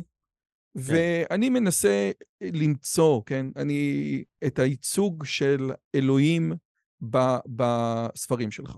עכשיו, אני יכול ללכת ככה כמה וכמה, אני, אני, אני אתן כמה דוגמאות, כן? יש את האלים הזאת, שאז הוא שואל את, את אחת האלות, כן? האם את מאמינה באלוהים? אז היא אומרת לו, זה תלוי למה אתה מתכוון. אם אתה שואל אם אני יודעת שהוא קיים, ברור שאני יודעת, הוא ועוד הרבה אחרים. אבל אם אתה שואל אם אני מאמינה בו, זה משהו אחר, ברור שלא, אני לא מאמינה לו, אוקיי? או את כל הנושא הזה של יום כיפור. אבל אה, אה, כאילו, גם אלוהים נמצא אצלך בצורה, כאילו, גם אלוהים לא נמצא וגם השואה לא נמצאת. כמעט ולא. אני, אני כמעט, אני, אני, אני אולי את ה... הסבתא ש, שצועקת על הילד שלה עם השסק, אבל זה גם לא בדיוק שואה. לא, לא, יש לי לא, סיפור, יש כאילו... לי אה, נעליים, יש לי צפירה, יש לי סיפור נכון, והיינו. בבית וולי, נכון, ו... נכון. אבל... וכאילו אני אומר, העולם שלו הוא לא, הוא לא עולם דתי, אז מה שקורה בעצם זה כאילו, מה קורה, ב, ב, מה קורה ביום כיפור, כן? הזאת שמקבלת מכות מהחבר שלה ביום כיפור, או שהקוונטים הולכים לבקש סליחה מאלוהים ביום כיפור. זאת אומרת, אתה כן. התייחסת ל... כאילו, יצא לך לחשוב על זה שהייצוג הדתי או הרוחני יהודי, כן, בתוך העולם הזה, הוא, הוא, הוא, הוא דל אצלך? אה, קודם כל, אתה יודע, שוב, אתה יודע, זה, אני, אני חושב ש, שכמו כל דבר, אתה יודע, התשובה הזו מאוד מורכבת. תראה, אני אתן לך דוגמא, הסיפור הראשון שכתבתי זה צינורות, זה על בן אדם שהוא בונה צינור ומגיע לגן עדן, כן? אז אה, כי הוא מבין שאלוהים הוא יותר מדי רחום וחנון מאשר לעשות גן עדן רק לטובים, הוא עושה גן עדן לאלה שלא מצליחים להסתדר בעולם הזה. עכשיו, אה, סיפור נהג אוטובוס שרצה להיות אלוהים, שזה אגב מבוסס על, לפחות סגנונית על מעשיות ברסלביות, כאילו, אתה יודע. מכות אומר, מצרים, אותו, אותו מכות בכורות. מכות מצרים, אז, אז אני, דווקא, אני דווקא אומר, תדע לך שאגב, גם יש לי סיפורים, לא יודע מה, גובלים בכפירה, אני לא יודע מה, יש סיפור, סיפור אלוהים הגמד, על אלוהים שהוא הכי נמוך במסיבה, והוא עושה כל מיני דברים שישימו לב אליו. אתה יודע, אני אומר, עכשיו, אה, יש לי סיפור רחמים ואיש התולעים, זה סיפור שמתרחש בגיהנום. זה, אני אומר, אה, יש לך אני ואנט מזדיינים בגיהנום? גם, נכון, אז אומר, עכשיו, אז תראה, אז אני אומר... והסיפור הכי גאוני שלך לגבי הגיהנום, סיפור שאני ציטטתי אותו הרבה פעמים, אותו רוצח, אה, אותו אה, רוצח שכיר שבגיהנום הופך להיות פועדוב. נכון, נכון. כן, זה נפלא. אבל, אבל לא, וגם יש לי סיפור קצנשטיין על בן אדם שהוא כל החיים שלו הוא מקנא במישהו ואז בסוף שהוא מת אז הוא מגיע לגן עדן והוא מגיע לגיהנום. עכשיו תראה, באמת כמו שאתה אמרת, זאת אומרת, אה, על העניין הזה של אה, כאילו איזה נגיעה לפילוסופיה, אז אני אומר, אני חושב שבאמת, אני חושב דרך כתיבה. עכשיו, הדברים שמעניינים אותי זה אה, הדברים שאני מבין וגם הדברים שאני לא מבין. עכשיו אני אומר, עכשיו בעיקרון אני חושב שיש איזשהו משהו שבוא נגיד אם אני עכשיו אתנסח בצורה פרובוקטיבית כאילו לגבי אמונה אז בעיקרון אם אתה שואל אותי אם אני מאמין שיש דברים שאנחנו לא תופסים אותם רציונלית והם נמצאים באיזשהו מין מקום כזה איזשהו בליינד ספוט שמשפיעים עלינו ואנחנו לא יודעים מה הם ו... אז אני אומר אה, כן. ואם אתה אומר לי ואם אני חושב שהדברים האלה שאנחנו לא מבינים ואנחנו משפיעים עליהם וזה וזה וזה אה, יש ספר שמסביר מה הם בדיוק ופשוט רק צריך לקרוא אותו נורא נורא טוב ואז אנשים שיודעים את הדבר שאי אפשר לדעת אותו הם כתבו את הספר ואז דרך זה אתה יכול לדעת מה שידעת זה אני קצת אה, פחות... לא, אה, אבל זאת לא השאלה. השאלה שלי, האם הספר הזה, או החברים שלו, מהווים חלק מהמטען התרבותי ומה-DNA שלך בתור ישראלי? לגמרי. זאת השאלה. לגמרי. זאת השאלה. אתה, אז לא, אתה, אז, אני, אז, אני, רוצה, אני רוצה אותך כן. כופר, לא עם ארצות. לא, לא, אני לא כופר, אבל אני לא כופר. אתה מבין? לא, אבל זה המשמעות. אתה, כאילו, כן. תבוא ות... הכפירה משחקת את התפקיד, כאילו, בוא תגיד, אני לוקח, כן, כמו אחד העם, כן? אני לוקח את ארון הספרים הזה, אני לוקח את הקורפוס היהודי, כן? נכון? ואני, ואני רץ איתו. לכן אני חושב שהיהודים באים זאת סדרה נפלאה. נפלאה. אני כתב, כאילו, כן. היה לי שיחה, למה אתם כועסים על היהודים באים? זאת סדרה נפלאה, אבל זאת לא, סדרה לא, שלא אבל... יכולה לבוא ממי שלא מכיר. נכון, זה נכון, לא, אבל אני גם תמיד אומר, אתה יודע, שאתה לוקח משהו מוכר, ואתה עושה על זה משהו טיפשי, כן? אני, זה לי תכונה כזאת שאני לוקח שירים, ואני ממציא להם מילים אחרות. עכשיו, אני הייתי בסיטואציות שאנשים אמרו לי, זה לא מכבד לשיר, ואני אומר, זה הכי מכבד לשיר. נניח סתם, אתה יודע, אתה מכיר אה, את השיר אה, של דני רובס, אה, אני בא הביתה מהלילה, מדליק לי אור במדרגות, כן, אז אני אומר, אז אני יכול לשיר, אני בא, באתי החם לאללה, מדליק מזגן עם מסרגות, אתה יודע, או אני אומר, אני בא אנדרטה, בואי המניאק, נראה אותך בלי דרגות, כן, אני אומר, זה לא משנה. אז אני אומר, עכשיו, כשאני עושה את הדברים האלה, יש משהו בפעולה הזאת, שאתה כאילו לוקח איזשהו משהו שהוא מקובע, שהוא נע בצירים מסוימים, אתה מתחיל לנער אותו ולשחק איתו, אתה יודע, ואז כאילו לפעמים יכול להיות שהמכשיר התקוע הזה פתאום פאף ייפול ממני איזה ג'ולה או איזה מסמר או איזה משהו שבלם אותך, ופתאום הכל שם ישתחרר. עכשיו אני אומר, כל ההתעסקות, אתה יודע, זאת אומרת, זה שאני כותב סיפורים על אלוהים, אתה יודע, אז אנשים יכולים להגיד את הכופר, אבל אני בא ואני אומר, אני כותב סיפורים על אלוהים, על הילד שלי ועל אשתי, למה? כי זה שלושת הדברים שהכי מעניינים אותי. עכשיו אני אומר, עכשיו, גם אשתי לא יוצאת... והתחורים. אני אומר, עכשיו גם אשתי וגם הילד לא יוצאים טוב מהסיפורים, וגם לפעמים אלוהים לא יוצא טוב. אבל אני בא ואני אומר, צריך לקחת את זה כמחמאה, אתה מבין? זה מה... עכשיו... אני, לא, אמרתי לך, לא, זה, זה, יש הרב שטיינזלץ, שמעת את השם? כאילו, סליחה שאני לא... עדין שטיין? רק שתבין, אח שלי בוגר נועם, אחותי גרה במאה שערים, לא, לא, נכון, נכון, לא, בסדר, אני שואל. כן, אני לא אוכל פרוזן יוגורט ורואה סרטי פורנו כל הזמן, אני בן אדם, אתה יודע. גם, אני, הטענה שלי, אתה יודע, בתור אחד שאני, אני חושב שהטענה שלי כלפי החילוניות באיזשהו מקום, כולל הסדרה החדשה שיש בכאן, זה שאני הרבה יותר בקיא ומבין ומכיר ומעריך ומוקיר את העולם שלך, כעולם חילוני שהוא, אתה יודע, שאתה יודע, אני אשים בו גם את דיקנס וגם את טולסטוי, הוא חלק מהעולם שלך, כן? והצד השני פחות מכיר את העולם שלי. זאת אומרת, הנטייה של החילוני המשכיל להכיר את האימפרטיב הקטגורי של קאנט, היא הרבה יותר גדולה מהנטייה שלו להכיר את כלל הזהב של הלל הזקן. זאת איזושהי נקודה. אז, לא, אז, אז קודם כל, אני, אני חושב, שוב, אתה יודע, ואני חושב שזה אולי האופן שבו... זאת אמירה לא... אמפירית נכונה לפי דעתך? כאילו, מה שאמרתי? אז, אז זהו, אז, אז מה שאני רוצה להגיד, אתה יודע, שאני חושב שאולי משהו גם קשור לכתיבה שלי, זה שכל ה, האזור שאתה מדבר, שאתה מדבר עליו, אה, ואני מס, מסכים איתו, אז הפרספקטיבה שלי אליו היא פרספקטיבה כאילו אחרת. זאת אומרת, מה, מה שאני רוצה להגיד זה שאני חושב שבאופן כללי, אנשים אה, אה, מכירים טוב את שלהם ונוטים להתנשא ולא לכבד צורות חשיבה אחרות. עכשיו אני רוצה להגיד לך משהו, לצורך העניין, ואני אומר את זה רק לצורך הוויכוח, הרבה אנשים יגידו לך שמה שמאפיין את הציונות הדתית זה יוהרה. עכשיו אתה יודע, אני לא יודע אם קראת, היה מאמר דווקא מעניין של חיים לוינסון על חבר כנסת מהציונות הדתית שהוא סיפר אה, שהוא היה מדריך במנהרות הכותל, הוא נדהם לגלות שיש הרבה יהודים בג... בגולה, בגיל 31 הוא החליט לצאת לשליחות, והוא אמר לא אכפת לי לאיפה, אמרו לו תיסע להולנד, הוא שאל את אשתו באיזה יבשת זה הולנד, ואם יש שם יהודים, אתה יודע, אנה פרנק, בכל אופן כאילו פוטנוט, עכשיו, עכשיו, כשהוא ניתח את הטקסט הזה אז הוא בא ואמר, כאילו אתה בא ואתה אומר, זה מה שחשוב, זה מה שאני חשוב, האלה טמבלים, עכשיו מה שאני בא ואומר, יש משהו בנרטיב הזה שהוא הרבה יותר חזק, הוא יותר מאפיין תקופה משהוא מאפיין קבוצה באוכלוסייה. אתה מבין? זאת אומרת, אני, אני מה שאני מרגיש, אתה יודע, שאני, שאני מסתכל על ה... נניח על המאבקים עכשיו, אה, רפורמה נגד מחאה, עכשיו ברור שיש לי דעה, כן? וברור שהיא עם, עם המחאה, אבל זה לא קשור בכלל. כשאתה מסתכל על השיבוש של השיח, או על חוסר היכולת של ההיתכנות של השיח, זה דבר שהוא הרבה יותר משמעותי. אם יש, אם יש לך כוח שאני אה, אצא לאיזה מונולוג סמי פוליטי של חמש דקות, אז אני אגיד לך משהו ש... האמת היא, אני, אני אגיד לך משהו לגבי העניין כן. הזה. הרבה אנשים, אמרתי, אתגר קרת מגיע. אתגר קרת כן. מגיע, וזה דבר גדול, מה אפשר לשאול את אתגר קרת? כן. ואז מישהו אמר לי, תשאל אותו על ה... לא יודע מה, על הפוליטיקה, כן? ואז אמרתי, מה הדעה שלו שווה יותר מדעה של בן אדם אחר בפוליטיקה? או, אז אני... ואז אז, אמרתי, אז... אני כן. מביא לפה גדולי עולם. אני מביא כן. לפה גדולי עולם. ואני רוצה לדון, בגדול, ואני באמת מאמין שגדולי עולם זה גדולי עולם בתחום, בתחום שלהם. כן. והיה לי לאחרונה בדיוק, רציתי להביא מתמטיקאי חשוב מאוד מהעולם, אבל הוא ישראלי. אמרתי לו, תבוא לערוץ, תדבר. ואז הוא אמר לי, אני מוס... אשמח לדבר איתך בשמחה, לערוץ שלך אני לא אבוא. אמרתי לו, זה דבר, זה, אתה יודע, אם בן אדם אין לך זמן אליי, אמרתי לו, בוא תסביר. אמר, אתה באמת, יש לך ערוץ יפה, ובאמת אתה הבאת, אתה יודע, חומסקי היה אצלי, כן? אני לא... חוכמה בגויים כן. תאמין. אבל אני, אני, דברים מפריעים לי עם הערוץ שלך.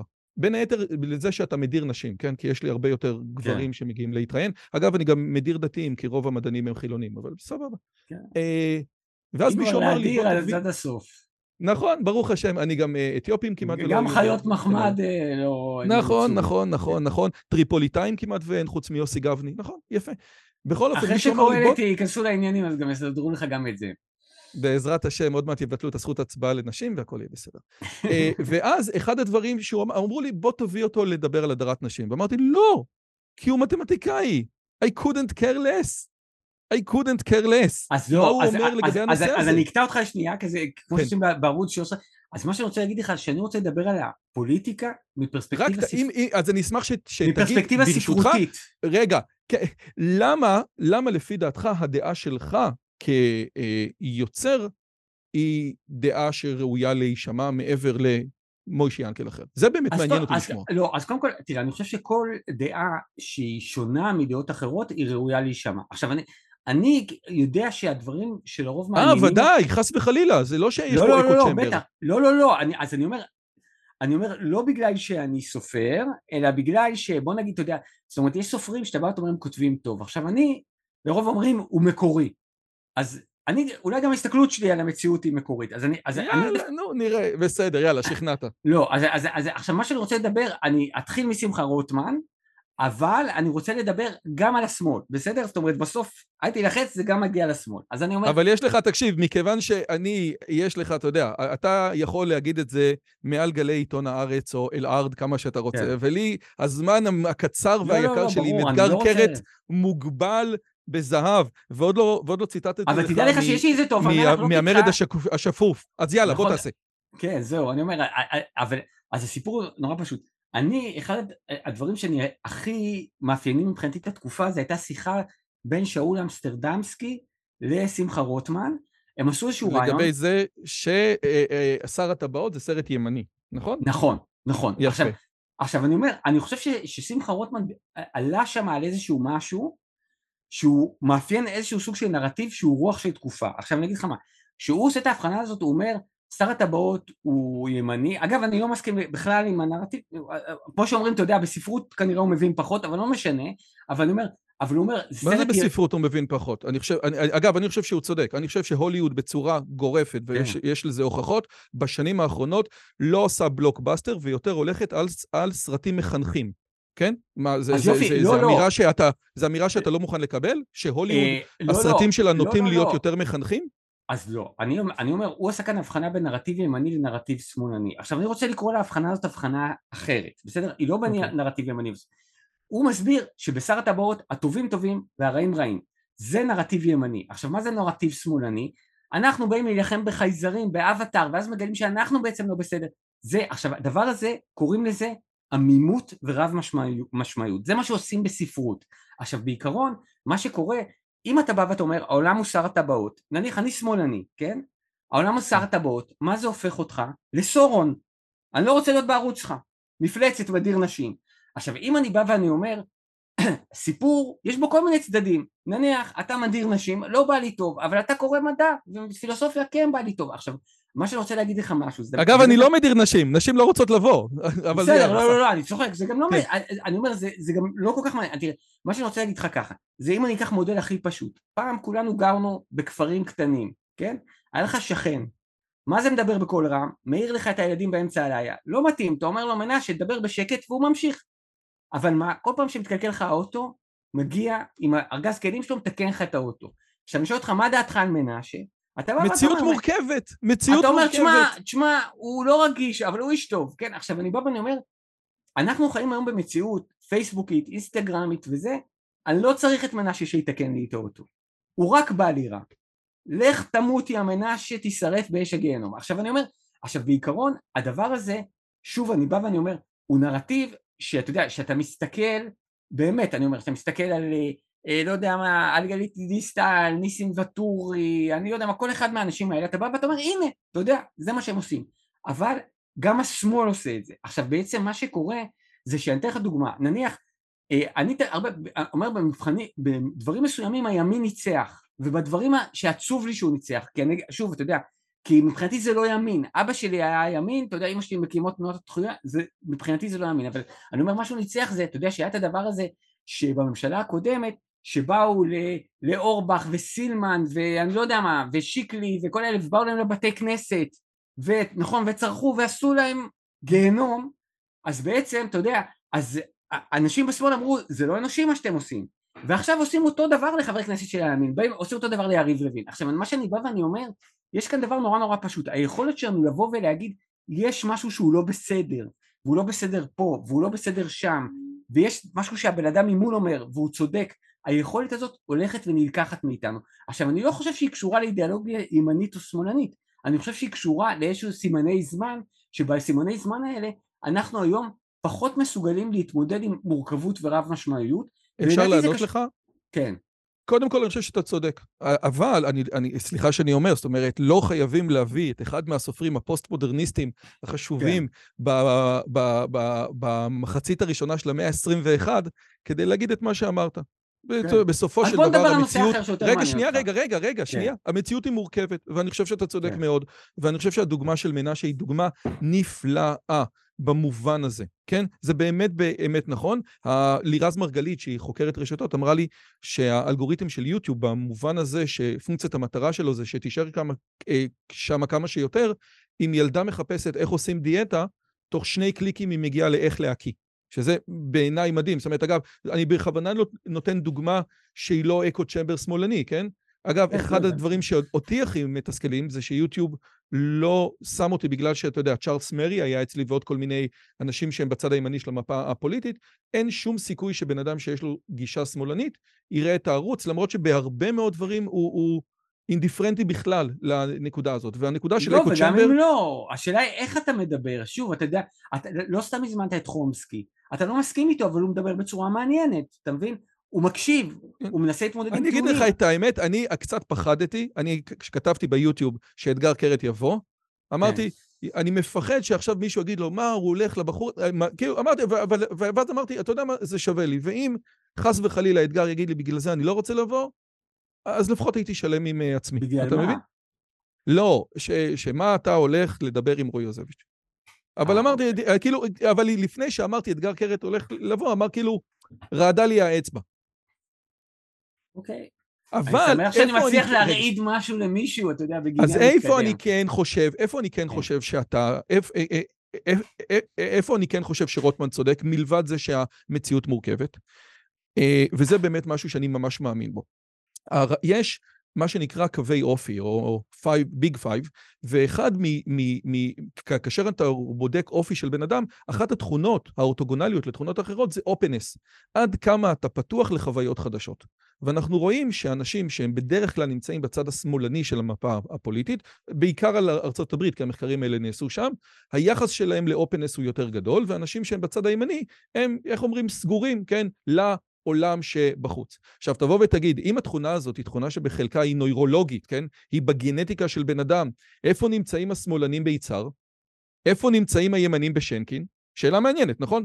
עד כמה שאתה חושב, הרי אם אלוהים חילק את זה ככה, אז יש גם אנשים שאופנס פה ואופנס שם. והתשובה היא, אני חושב שהיא מאוד מעניינת ואני מאוד מאמין בה, שאופנס בא לידי ביטוי גם בסכסוך הישראלי-פלסטיני, של האם אני רואה את הדברים מהצד שלהם או לא, אבל גם בדברים אחרים. האם אני אזמין מנה במסעדה שאני לא מכיר? כן? יש כאלה, נכון. יש שמאל שיצביע מרץ, והוא יישרף העולם, לא תזיז אותו מיום שלישי קוסקוס. לא תזיז אותו, לא תזיז כן. אותו, הוא לא ילך למקומות חדשים. ואני חושב, ככלל, אומרים שלסופרים ולאומנים, האופנס יותר גבוה. אני חושב שזה מה שמאיר בוזגלו אמר, לא יכולה להיות אומנות בימין, כן? הרעיון הזה ששמאל זה הטלת ספק, ולכן אומנות לעולם לא תוכל לצמוח בימין, באחד הראיונות האלמותיים שלו בעיתון הארץ. ואני חושב שהנקודה הזאת היא הנקודה של האופנס הזה. אה, לא, אתה יכול לראות את זה ככה? אה, אה, אני יכול לראות את זה, תראה, אני התחושה שלי היא פשוט אה, ששוב אם אתה שואל אותי מה זה יהדות או מה זה אמונה יהוד, יהודית אז מבחינתי זה כל הזמן אה, אה, בוא נגיד שוב עמימות ורב משמעיות וחיפוש כאילו אחרי דיוק של משהו שאתה לא יכול ללכוד אותו, אתה יודע כל, כל העניין הזה של למידה בחברותה למשל. בצורה למה? אינדיפרנטית, בצורה שהיא, סליחה, אורתוגונלית ממה שאתה עושה, כן? הבדיחה המפורסמת של דוריאנוב, ששני תלמידי חכמים מתווכחים כל הלילה, יש אלוהים, אין אלוהים, ובסוף בשלוש בלילה מגיעים למסקנה, אין אלוהים. אז אחד אומר לשני, אוקיי, אתה בא לוותיקין? אומר לו, אבל אין אלוהים. עושה, מה זה קשור? יהודי מניח תפילין בבוקר. זאת אומרת, התפיסה היהודית שאנחנו מתווכחים על קוצו של יוד בטירוף, וזה אורתוגונלי לחלוטין לפרקטיקות. ולכן ליבוביץ' קרא ליהודים דת, המ... אה, דת העושים. זה לא כן. משנה כן. במה אתה מאמין, משנה מה אתה עושה.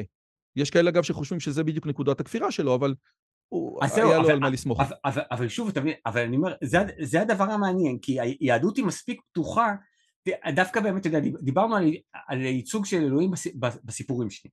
אז אני אומר ש...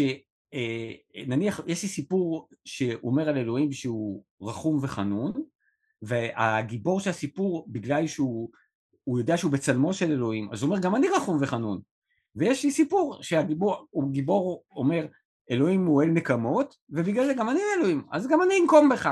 עכשיו בעיקרון, אני חושב שאתה יודע, שכל הרעיון זה שיש לך איזושהי ישות אומניפוטנטית רבת פנים, ואז אתה בא ואתה אומר, הדרך שלי לחוות אותה, היא לחוות אותה גם באופן מורכב, גם באיזשהו אופן אינדיבידואלי, אני מתחבר יותר מהצד הזה. עכשיו, בעיקרון, אני חושב שאנחנו חיים בעידן, שאם היו צריכים אה, לשנות את הדיברות, היו מוחק, מוחקים את כל העשר ומחליפים את זה בדיבר אחד, לא תחמול. בסך הכל, המון פעמים שאני שומע, נניח מישהו כמו בן גביר מדבר, מבחינתי כל התורה זה קדושת הנקמה. זה חשוב לנקום, וזה מצווה לנקום, וקדושה, אבל בעצם, אבל העניין, אתה יודע, זאת אומרת, לחמול, לעזור לגר, זה גם כתוב. עכשיו בעיקרון מה, שכו, מה שאני מרגיש שיש איזשהו משהו באמונה היהודית שזה סוג של פול שאתה יכול לצלול לתוך האוקיינוס העצום הזה ולהוציא איזה משהו ולהגיד הנה זה זה עכשיו אני אומר ברגע שאתה מרים משהו ואומר הנה זה זה כפרת אתה הפכת להיות כופר כי יש אוקיינוס ואתה תרים לי, תרים לי פנינה או צדף ותגיד לי זה הכל עכשיו אני... אני רק, אתן לך, אני רק אתן לך חיזוק לשיחות כן. הבאות שלך עם, אה, עם דוסים. אתה יכול להביא את זה שאילי עופרן, הרב אילי עופרן, אה, שהוא הרב של קבוצת יבנה, הוא אמר, אני לא אוהב לעבוד עם דפי מקורות. והסיבה המרכזית היא שאם אתה מספיק מכיר את הטקסט, אתה יכול להביא מדפי מקורות מה שאתה רוצה. מה נכון, שאתה רוצה, אתה נכון, יכול להביא. נכון, נכון. Okay? אוקיי? אני, אני, אני, אגב, זה נכון, רק לקחת את הטיעון הזה לקצה, הוא בעצם להגיע לאיזה פוסט מודרן שבאמת שום דבר, כאילו, שאנחנו לא מסכימים על שום דבר. זאת אומרת שיש בה, זה באמת נכון שיש המון המון המון פנינות שמה והמון צדפים יפים, אבל יש גם רעיונות שלא נמצאים שם. זאת אומרת, זה, צריך, גם לא, זה... לא, אבל... לא, אבל זאת אבל, שאלה, אבל, אתה איתי? אבל, אני, אני, לא, אבל אני חושב שיש משהו בשיח, זאת אומרת, שברגע שמישהו בא ואומר, אני חושב שהדת היהודית היא ככה, או אני חושב שהאמונה היהודית היא ככה, אז אני חושב שאני אומר, התנאי ההכרחי לנהל איזשהו שיח מועיל סביב זה, שהוא יאמר את זה ממקום של צניעות. זאת אומרת, שהוא יבוא ויגיד, לדעתי, אפשר לראות את זה בהמון דרכים, אבל אני באופן סובייקטיבי חווה את זה ככה. אתה, אתה, אבי רביצקי אמר, ואני מצטט את זה הרבה, כשהיהדות תכתוב ספר אני אשמח לקרוא. כן? אני פה, כש... קודם כל. נכון, כן. אני חושב אבל ש... בסדר, אני חושב, וכמו תמיד, כשמדברים ככה, אז אנחנו רואים שאנחנו מסכימים על הרבה יותר דברים, למרות ש... אתה יודע, מה שאתה חושב על הרפורמה, אני חושב שבפעם הבאה אני לא הולך להצביע כי זה חסר טעם, אתה מבין? כאילו, עד כדי כך. פשוט זה בזבוז של הקול שלי. עד כדי כך. זאת אומרת, ולמרות זאת, השיח הוא חשוב. יש דבר שנקרא חוכמה בגויים, גדי טאוב היה פעם בסדר, היה שייך למחנה הנכון, ובמרד השפוף האתגר קרת מוזכר המון. המון, המון, נכון. המון, המון, המון. אה, אני אתחיל מסיפור של קורצווייל, מסופר שקורצווייל, שהיה המפרש הבלתי, הבלתי מעורר של עגנון, נשא כנס באוניברסיטת בר אילן על זה שלעגנון בסיפורים יש ביקורת דת. והוא דיבר ודיבר ודיבר ודיבר, ועגנון היה שם וקם, ואמר לו, אדון קורצווייל, מה שאתה אומר זה לא נכון. זה לא נכון. אז קורצווייל, כמו פרופסור טוב באקדמיה, אמר לו, אדון עגנון, אתה את תפקידך כסופר סיימת, הנח לנו המבקרים לעשות את העבודה שלנו. כן? כן. זה, זה נפלא בעיניי. נכון, ו- נכון. ו- ו- אז, אז לפני שאני מקריא מגדי טאוב, מה אתה אומר על קורצווייל? זה, זה כאילו על, ה, על התשובה הזאת? אני חושב ששוב, אתה יודע, זה הכל שאלה של פרספקטיבה, כי מה שאני חושב, שזה כמו שאתה, שאתה לומד דף גמרא, כן?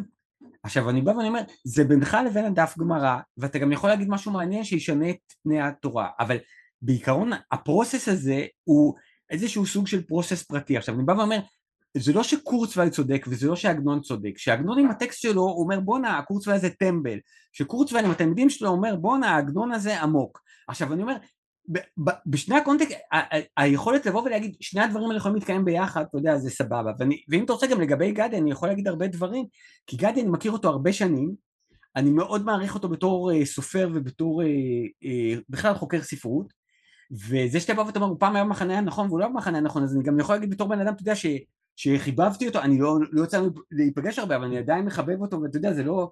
אז אני, אז אני רוצה להגיד שגדי, תמיד הוא היה אה, מאוד מאוד בעייתי, כי בעצם הטיקט שלו היה זה שבת הזוג שלו היא נערת ליווי, שהוא עושה הרבה סמים, אז אני אומר, אז בוא נגיד ככה... המרד השפוף בכלל זה איש שמאל ששם סימן שאלה מאוד מאוד גדול על נכון. התרבות שממנו הוא אז לא, מגיע. אז- אז כן, אני- כל אז המרד השפוף. אז אני אומר שגדי באופיו, הוא תמיד היה בוויכוח עם איפה שהוא לא נמצא. אני מתאר לעצמי שהוא גם עכשיו, אתה יודע, שהוא גם עכשיו הוא בוויכוח עם אנשים אחרים ברפורמה, הוא בן אדם שיושב להתווכח והוא גם מתווכח בצורה אינטליגנטית, אז אני אומר, אז זה מה שיש לי להגיד על גדי בכלל, אתה יודע, אבל רגע, אבל... הש- כן, אבל את- את- כשבן אדם, למשל, אם אתה שואל אותי אם אני רוצה פיצה, ואני אומר לך כן, כן. עם זיתים, ואתה אומר לי איזה זיתים, שחורים? אני אומר לך לא, אני שונא שחורים, ואז אומרים הבן אדם גזעני, זה להוציא מישהו מההקשר, וזה נכון. לא הוגן. נכון, נכון.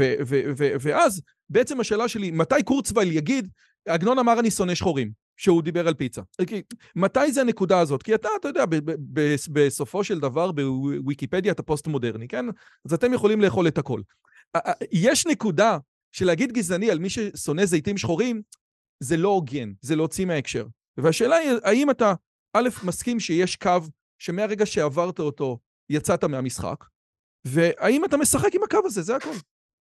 אה, כן, אז קודם כל, אני אומר, ברגע שאתה אומר שיש קו, זה אתה מייצר מציאות דו-מימדית, כן? אני אומר, אני חושב ש... אתה מבין? יש לא תחום, יש תחום. כן, אז אני אומר, אז, אז, אבל, אבל תראה, מה, ש, מה שאני חושב ששוב, זה לא דבר שהוא קשור לתורת הספרות, זה דבר שקשור ל, ליחסי אנוש, אתה מבין? נניח, אתה, אני יכול לבוא ולהגיד לך כל מיני דברים עליך, כן? אבל יש קו שאם אני אגיד לך דברים עליך, תבוא ותגיד לי בואנה, כאילו, הגזמת, כאילו, מה אתה מתחיל לרדת על התמונה שלי בזום, כאילו, זה לא יפה, כאילו, אתה יודע.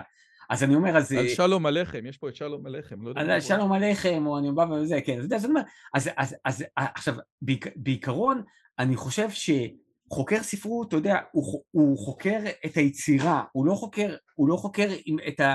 בוא נגיד, הוא, הוא לא צריך לבוא ולהגיד אם הבן אדם הזה אוהב שחורים או לא אוהב שחורים, הוא יכול לבוא ולהגיד, היצירה היא גזענית לטעמי. עכשיו, אנשים יכולים להגיד מה שהם רוצים, זה טוב להגיד, ואתה יכול להתווכח עם זה ולהגיד, לסתור את זה, לא להסכים עם זה, זה... אני לא חושב שצריך, ל- לס- לס- אני חושב שצריך לשרטט כמה שפחות קווים ולחיות בשלום בתוך הלא, האין קווים האלה, אתה מבין? טוב, אז אני אקריא את גדי טאוב, אני אקריא עוד פעם, כי. ובאמת המקום שהספרים שלך לוקחים, כאילו, הוא באמת רואה בסיפורים של אתגר קרת, משהו מייצג על כל התרבות הזאת, כן? זאת אומרת, זה אתה ואברי גלעד הולכים ראש בראש אה, שמה, כן? אה, נדמה לי שאת רוב הכתיבה של קרת צריך להבין לאור הגעגוע והקשיים שהוא נתקל בהם. חלקם הגדול של הסיפורים הוא מאבק בין הרצון לספר סיפור במובן המודרניסטי של המילה, לבין המודעות לחוסר היכולת של המנגנונים, של המנגנונים המודרניסטיים לשרוד מול תפיסת המציאות המפוררת ומול המודעות העצמית המוגברת של האמצעי האומנותי עצמו, כן? כמו uh, בסוף איזה פוסט-מודרני יבוא ויכתוב עליו ספר בסיפור היבריס, כן? שני אלה מתקשים לחיות בשלום יחד, ולכן הסיפורים, בין שהמספרים הם ילדים או מתיילדים ובין שלא, נשארים על פי רוב בצד אחד. או שהם מצליחים לגרום לקורא הזדהות רגשית ממש, או שהם הופכים דיון מפוקח על אמצעי הבאה, או שהם מלודרמטיים, או שהם פרודיה על מלודרמטית. ורק לעיתים, ושלמה הומו כוס סלומו הוא דוגמה טובה לכך, שני הדברים קורים גם יחד. יש, כשאתה קראת את, את אתגר קרת במרד השפוף, היה לך תחושה של ההה מומנט, או אמרת, וואלה, נכון, או אני לא מסכים, כאילו, איפה זה היה? אה, אז שוב, אתה- הבאת ציטוט אחד, אני אומר, כשאני את הספר, קודם כל אני חושב שזה היה מאוד מעניין, כי אני, זה פעם ראשונה שאני קראתי מישהו באמת אה, כותב בצורה מאוד מאוד רצינית, ובן אדם אינטליגנטי והכול. אה, אני חושב שהיו הרבה דברים שלא הסכמתי איתו. אה, אה, דווקא בג... הציטוט שאתה הקראת עכשיו, אני מסכים אני- רוב הדברים. שנאמרים. כן. אוקיי, תקשיב, זמננו קצר. בדרך כלל אני שואל אנשים ככה בשיחה האחרונה האלה, טיפ לפרודקטיביות, אבל אצלך אני רוצה ברשותך לעשות משהו אחר, כן? יש אה, בדיחה מדהימה בעיניי, שדני קרמן סיפר אותה ועוד כמה אנשים סיפרו אותה, שאומר ככה, שני סופרים, אחד מצליח ואחד אה, כישלון גדול, נפגשים באיזה יריד ספרותי, ואז הסופר הכישלון בא למצליח ואומר לו, תקשיב, אתה כזה מצליח, תן לי איזה טיפ של אלופים. אז המצליח ככה, כטוב ליבו בזה שכולם באים אליו לחתימות, אומר לו, טוב, איך אתה כותב? זאת אומרת, תקשיב, רק שהמוזה שורה עליי ואני בדיוק, והכוכבים מסתדרים, והטמפרטורה והלחות מסתדרת, אז אני כותב. אז המצליח אומר לו, אתה רואה, זאת הטעות שלך. אני, ראש, אני כותב כל הזמן, אבל רק כשאני במוזה, אז אני מוחק. כן? כן. זה, ה- זה הסיפור. אפרים קישון מהצד השני אמר שהוא, ה- הוא, הוא כאילו ממש היה, הוא היה בן אדם מאוד מאוד מודע לעצמו, הוא אמר, אני שמתי לב שאני יכול לכתוב רק בטמפרטורה כזאת ובמד לחות כזאת ובאור כזה, הוא כאילו ממש בדק איך הוא נהיה יותר. אתה כותב בצורה מוזרה, כי א', אתה לא כותב המון המון זמן, פתאום דפיקה בדלת, זה קטע של יאללה, נו, שחרר כבר סיפור, אוקיי? נכון. זה לא אני, כן? זה, זה אתה אמרת. נכון, נכון. והדבר השני, אתה גם כותב בצורה שהיא, שמישהו צריך לבוא ולחפש לך סיפורים בהארד דיסק, שזה הזוי בעיניי. אז השאלה אם אתה יכול, בזמן הקצר שיש לנו, לנסות לשלב אותי בתהליך הכתיבה שלך, כן? מפרוסט כזה שכותב, שכותב 200, מסטפן צוויג שכותב 2,000 מילה ביום יישרף העולם, לכזה שיכול לכתוב פעם ככה, פעם ככה, כאילו, יש המון המון המון סגנונות וסוגים. איך זה עובד אצלך? אז, אז שוב, אז באמת אני חושב שאתה יודע, יש הרבה סופרים שמייחסים לכתיבה איזושהי חשיבות אה, עצומה בעולם. זאת אומרת, נניח אומרים, אני חייב לכתוב את יצירת המופת שלי לפני שאני אמות, אני חייב להנחיל, אני חייב... עכשיו, אני ממש מרגיש שיש משהו אצלי בכתיבה, שזה משהו שאני עושה אותו קודם כל בשביל עצמי, ודבר שני, אני גם עושה אותו בשביל עצמי ברמה של רפלקס. זאת אומרת, רוב הפעמים שאני כותב, אני שם לב שאני כותב רק כשאני כבר כותב. זה לא שאני אומר, אה, אני צריך לכתוב איזה סיפור. זה נניח, זה אשתי אומרת לי, תלך לסופר תקנה חלב, ואז היא באה אחרי שעה אומרת, למה, מה אתה עושה בחדר? אתה לא אמרת שתקנה חלב? אומר, אה, כן, כן, כן, כן. ואז אני כבר באמצע סיפור. אז אני אומר, אז באמת... רגע, רגע, שנייה, אני, סליחה, סליחה. אה, אה, היא אומרת לך, תקנה חלב, אתה פותח וורד, ואתה כותב חלב, אתה אומר, אה, חלב, בוא, איך זה, כן, כן. סליחה שאני נכנס, סליחה שאני, כן, כן. איך אג, אומרים, אג... פורנוגרפי, אבל אז, אז אתה לך, חייב. אז, אז תדע לך שבאמת אני אומר, נניח מוצאים סיפורים בארדיסק שלי, אבל אם מישהו פעם יגנוב לי את הטלפון, אז נניח אני כותב אה, סיפורים בפתקיות. עכשיו, עכשיו, בעיקרון כשאני כותב סיפור, אז שוב, הפעולה היא, היא לא כמו שנניח, אתה בא ואתה אומר, אני עכשיו אופה לחם כי יבואו הילדים מהגן יהיו רעבים. אלא אתה בא ואתה אומר, אני צריך לעשות משהו עם הידיים, יאללה, נו, מתי הוא כבר יבוא? והפעולה הזאת היא פעולה שאתה כמעט ולא חושב עליה, אתה מבין? זאת אומרת, זה לא שאני אומר, יש לי תובנה שאני רוצה לשתף, אלא אתה בעצם בא ואתה אומר, אני באיזשהו מצב, יא, מה יהיה, מה יהיה, ואני כותב כדי לה... איכשהו להרגיע את עצמי, לנסות להבין מה קורה, אבל אני עושה את זה, זה באמת... זה כאילו שבן אדם רגיל ילך ליוטיוב ככה, אתה יודע, יגלוש, יגלול, אתה כאילו, כמו ש... זה, זה המקבילה של, אתה יודע, להעביר בטיקטוק אצלך, אני, אני, אני, זה, זה ממש זה לא, לא, זה, זה יותר כמו, אני אגיד לך, זה כמו, אה, לא יודע מה, לנקות אבק. ללחוץ על וורד, סליחה אתגר, סליחה, כן. ללחוץ על וורד זה תופעה מודעת, כי בן אדם צריך, אתה יודע, להגיד, הרי אני מכוון לשם ייחוד קודשה ללחוץ על Word, כן, ואז לעשות את ה double... ה Word אצלי פתוח תמיד. או, או, בסדר, הנה, אנחנו כבר מתקדמים.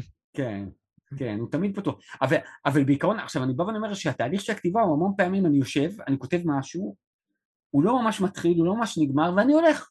עכשיו, לפעמים אתה יודע, אני לא עושה איזה save, לפעמים אני עושה איזה save ואני לא זוכר את השם של הקובץ, אבל בעיקרון, אני אומר, יש איזשהו משהו בכתיבה שהיא מתקיימת ברגע. זאת אומרת, אני לא בא ואני אומר, אני בונה את בית המקדש, אני בא ואני אומר, אני מעביר עשר דקות עד שיגיע העתיד. עכשיו, בעיקרון, יש איזה חיסרון ויתרון, כי החיסרון הוא שאני מאבד הרבה חומרים, ואני לפעמים גם לא מסיים להכין חומרים, אבל אני חושב שהיתרון שבמבחן האותנטיות, כשאתה קורא משהו שלי, אתה לא מרגיש שאני מרצה לך, אלא אתה מרגיש שאתה נמצא איתי ברגע, אתה מבין? זאת אומרת, זה קצת כמו ההבדל בין זה שאני אספר לך על איזה הרפתקה שקרתה לי בג'ונגל, לבין זה שאני אקח אותך איתי לג'ונגל, ואני אגיד, אה, הנה אריה, אתה מבין? כי אני מרגיש את זה עכשיו. כן, אז... אמר, אמרת בגיקונומי את ההבדל בין inside out לבין אה, זה, זאת אומרת, אני, אל, אל תבקש ממני לספר על אישה שחורה בימי הביניים, אבל תתחיל מזה ש... איך אומרים, אה, מישהו חרבן לי על האוטו, ו- ו- ומתוך זה אני אגיע. זאת אומרת, אז כאילו... כן, ה... ואם זאת, אם אישה שחורה מימי הביניים חרבנה לך על האוטו, כנראה שאתה באמת חונה במקום אסור. זה סיפור נהדר. אז, אז הרבה אנשים כשמנסים לכתוב אומרים, הפחד הכי גדול שלי זה, זה, זה דף ריק. אני מדבר עם הרבה חוקרים שצריכים לכתוב כל הזמן מחקרים ורעיונות מהסוג הזה, אז אחת ההצעות שמישהו אמר, שהוא תמיד משאיר את, ה, את, ה, את, ה, את המאמר באמצע משפט, שהוא ידע בדיוק לאן הוא צריך לחזור, שלא יהיה לו, אתה יודע, שהוא לא יתחיל מסקשן חדש. אתה לא נכון. שם בכלל, נכון? כאילו, זה, זה לא... לא, קודם כל הרוב שאני כותב משהו זה כל כך מעניין אותי, שאתה יודע, שגם אם ייקח לי יומיים, אז אני כאילו אשאר ליד זה, כן. אבל אה, כשאני מפסיק, אני, אני כמעט תמיד מפסיק באמצע, כי, כי, זאת אומרת, זה לא שאני אסיים את הפסקה, כי כי אם, אם איבדתי את האנרגיה הזאת שמובילה את הסיפור, אז איבדתי אותה באיזושהי נקודה, ואיפה שזה נופל, זה נופל. תן לי, אה, תן לי לשאול אותך לגבי סיפור. אתה אמרת שאתה נגד פאנצ'ים, כן? אבל אני... זה היה נגד פאנצ'ים חלש כזה, כן? בספר געגועי לקיסינג'ר יש סיפור שנקרא להגביה את הרף, כן? נכון. והסיפור הזה מסתיים בפאנץ', בסופו של דבר. והשאלה שלי, האם הסיפור הזה מתחיל מהפאנץ', זאת אומרת, יש לך איזשהו, הנה, בעמוד 73, כן? האם הוא מתחיל מהפאנץ', זאת אומרת, הפאנץ' הוא, אם ירצה להגביה את הרף, יצטרך לחפש אחת מעל גיל 53 עם תואר פרופסור, ואם ירצה להוריד, יצטרך למצוא מישהי מתחת לגיל 16 עם פיגור שכלי קל. השאלה שלי לגבי הסיפור הזה, שיצא לי לחשוב עליו הרבה, זה סיפור שהתחיל מהפאנץ'? זאת אומרת, היה לא, כאילו לא. איזה, איזה משהו מגניב כזה, או אוקיי, מישהו שמשתין במקלחת אחרי שהוא מנצח בתחרות. אה, עד כמה לא, שאתה זוכר איך, איך הוא התחיל. אני, אז תראה, אני לא זוכר שכתבתי אותו, אבל אני פשוט מכיר את הפרוסס שלי, אז אני יודע כאילו איך אני אה. כותב סיפורים.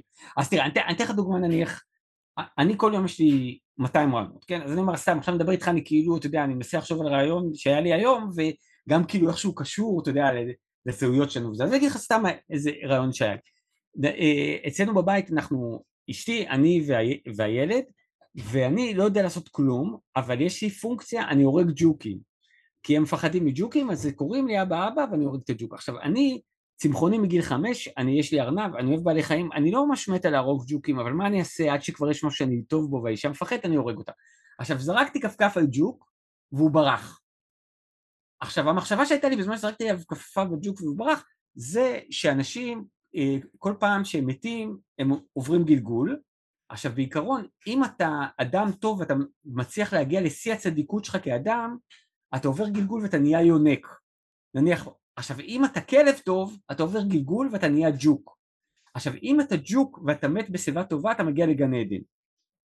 עכשיו אני זרקתי נעל, פספסתי אותו, איזה מזל שפספסתי אותו, הוא יגיע לגן עדן. אתה מבין? עכשיו אני אומר, עכשיו סתם, עכשיו זה סוג של מחשבה, אם אני אכתוב את זה, משהו מזה כסיפור, הסיפור לא יהיה דומה למה שאמרתי לך עכשיו, והסיפור הוא ייצר תודעה של ג'וק שרוצה למות בשיבה טובה כי הוא רוצה להגיע לגן עדן, ואז הג'וק הזה יהיה לו איזשהו סוג של תודעה, והתודעה תייצר משפטים, והמשפט יכול להיות אם הוא יגביה את הרף יהיה ככה, אם הוא ינמיך את הרף יהיה ככה, אבל האופן, תבין, המשפטים, זה לא שיש איזה משפט, אני אגיד לך פעם, יש איזו סופרת אחת, אה, דווקא מאוד ידועה, אני לא, לא אגיד את שמה, שהיא סיפרה לי שיש לה רעיון לדימוי מאוד יפה, היא כותבת על פתק, והיא שמה בקופסה, ואני אמרתי, מה אתה עושה עם הקופסה? אז היא אומרת, נניח אני איש הולך ברחוב, אני אומר, יש לי תיאור של הליכה, אני מוציאה את ההליכה. אז אני אמרתי לה, זה לא סיפור, זה לגו. איש שהולך ברחוב, ההליכה שלו היא לא בקופסה שלך, זה בסיפור, איך הוא הולך, הוא ממהר, רודפים אחריו, הוא מזיע כאן. מה את מביאה לי מהקופסה? מה זה קשור מהקופסה? הקופסה כתבתי לפני שלושה חודשים. אז מבחינתי הכתיבה היא כל הזמן איזושהי שהייה ברגע, זאת אומרת, אתה נמצא באמת כי אתה מצליח להתרחק מכל הקונספציות, תמיד, אני נניח סתם, אני בא ואני אומר, אני פרופסור לספרות אה, פוסט מודרני מתורגם לשפות רבות. עכשיו לפעמים אני עומד במקלחת, אני בא ואני אומר, בואנה איזה שעיר אתה, אתה נראה כמו רקון. עכשיו כשאני חושב את הרגע הזה, אני לא חושב על זה שאני פרופסור לספרות. עכשיו, הכתיבה זה הרגע שאתה מסתכל במראה ואתה אומר שאתה נראה כמו רקון, זה, זה מה שאתה מחפש, זה מה שאני מחפש. וזה, והיום אתה לא צריך כימיקלים כדי להגיע למצב התודעה הזה? או שאף פעם לא היית צריך? בגלל שעושה רושם ממה שאתה מתאר, שבן אדם self-conscious לגבי עצמו, בתוך העולם שלנו, יהיה לו, אתה יודע, הוא יצטרך אה, עזרים מבחוץ כדי להגיע לרצף התודעה הזה. לא, אז תראה, אז, קודם, אז קודם כל, אה, אני... אה, תודה אה, רבה. אשתי הביאה לי כוס קפה, שלא יברך. איזה אישה. ברוך אתה אדון למלך העולם, שהכל יהיה בדורו. אז אני אומר, אני, אה, אתה רואה, זה הקטע שאמרתי שזה קטע טוב, אני לא זוכר מה דיברנו, אבל זה בגלל הקפה רק, זה קינטי, אז זה ברח לי. כן, לא, זה בגלל... תקשיב, קודם כל, אני חייב להגיד לך, תודה רבה רבה על הזמן שלך. זה באמת כיף גדול. אני, אני, אני, אני, אני, אני לא יודע אם שמת לב, אני באמת מכיר את הספרים שלך, והרעיון הזה של uh, אותו, אותו, אותה אישה שהופכת להיות איזה, איזה שמן שעיר, שזה סיפור נפלא, והרעיון הזה של ראובן שריקי שהולך עם הרגילות שלו עד הסוף וממציא זית שממולא בזית, זה רעיונות שאני לוקח אותי, כאילו, זה רעיונות שלקחתי, שמתי בכיס והמשכתי איתם לחיים.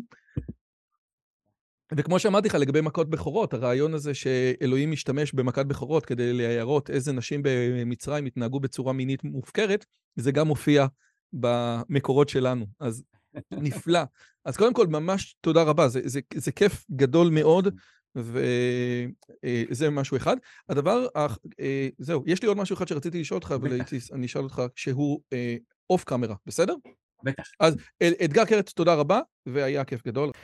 אם הגעתם עד לכאן, מגיע לכם כל הכבוד. אז תנו לי להגיד לכם שלושה דברים קצרים. הדבר הראשון, אם שמעתם משהו בשיחה שמעניין אתכם, שאתם רוצים לקחת הלאה, פשוט ספרו אותו לאנשים אחרים. משהו מעניין שאני אמרתי, משהו מעניין שהאורח שלי אמר, איזשהו רעיון שאתם רוצים לקחת איתכם לחיים, פשוט ספרו אותו לחבר או לחברה. זאת הדרך הטובה ביותר לזכור את הרעיונות מתוך השיחות האלה. הדבר השני, אם אתם רוצים לקחת חלק בקהילה שלנו ולפגוש ולדבר עם אנשים כמוכם, אתם מוזמנים לערוץ הטלגרם שלנו, שווה לכם מאוד. פשוט תראו עוד אנשים שמתעניינים מדברים מגניבים בדיוק כמוכם.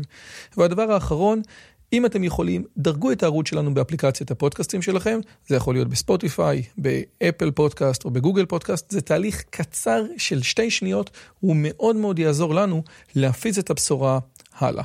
שיהיה לכם כיף גדול וכיף בשיחה הבאה.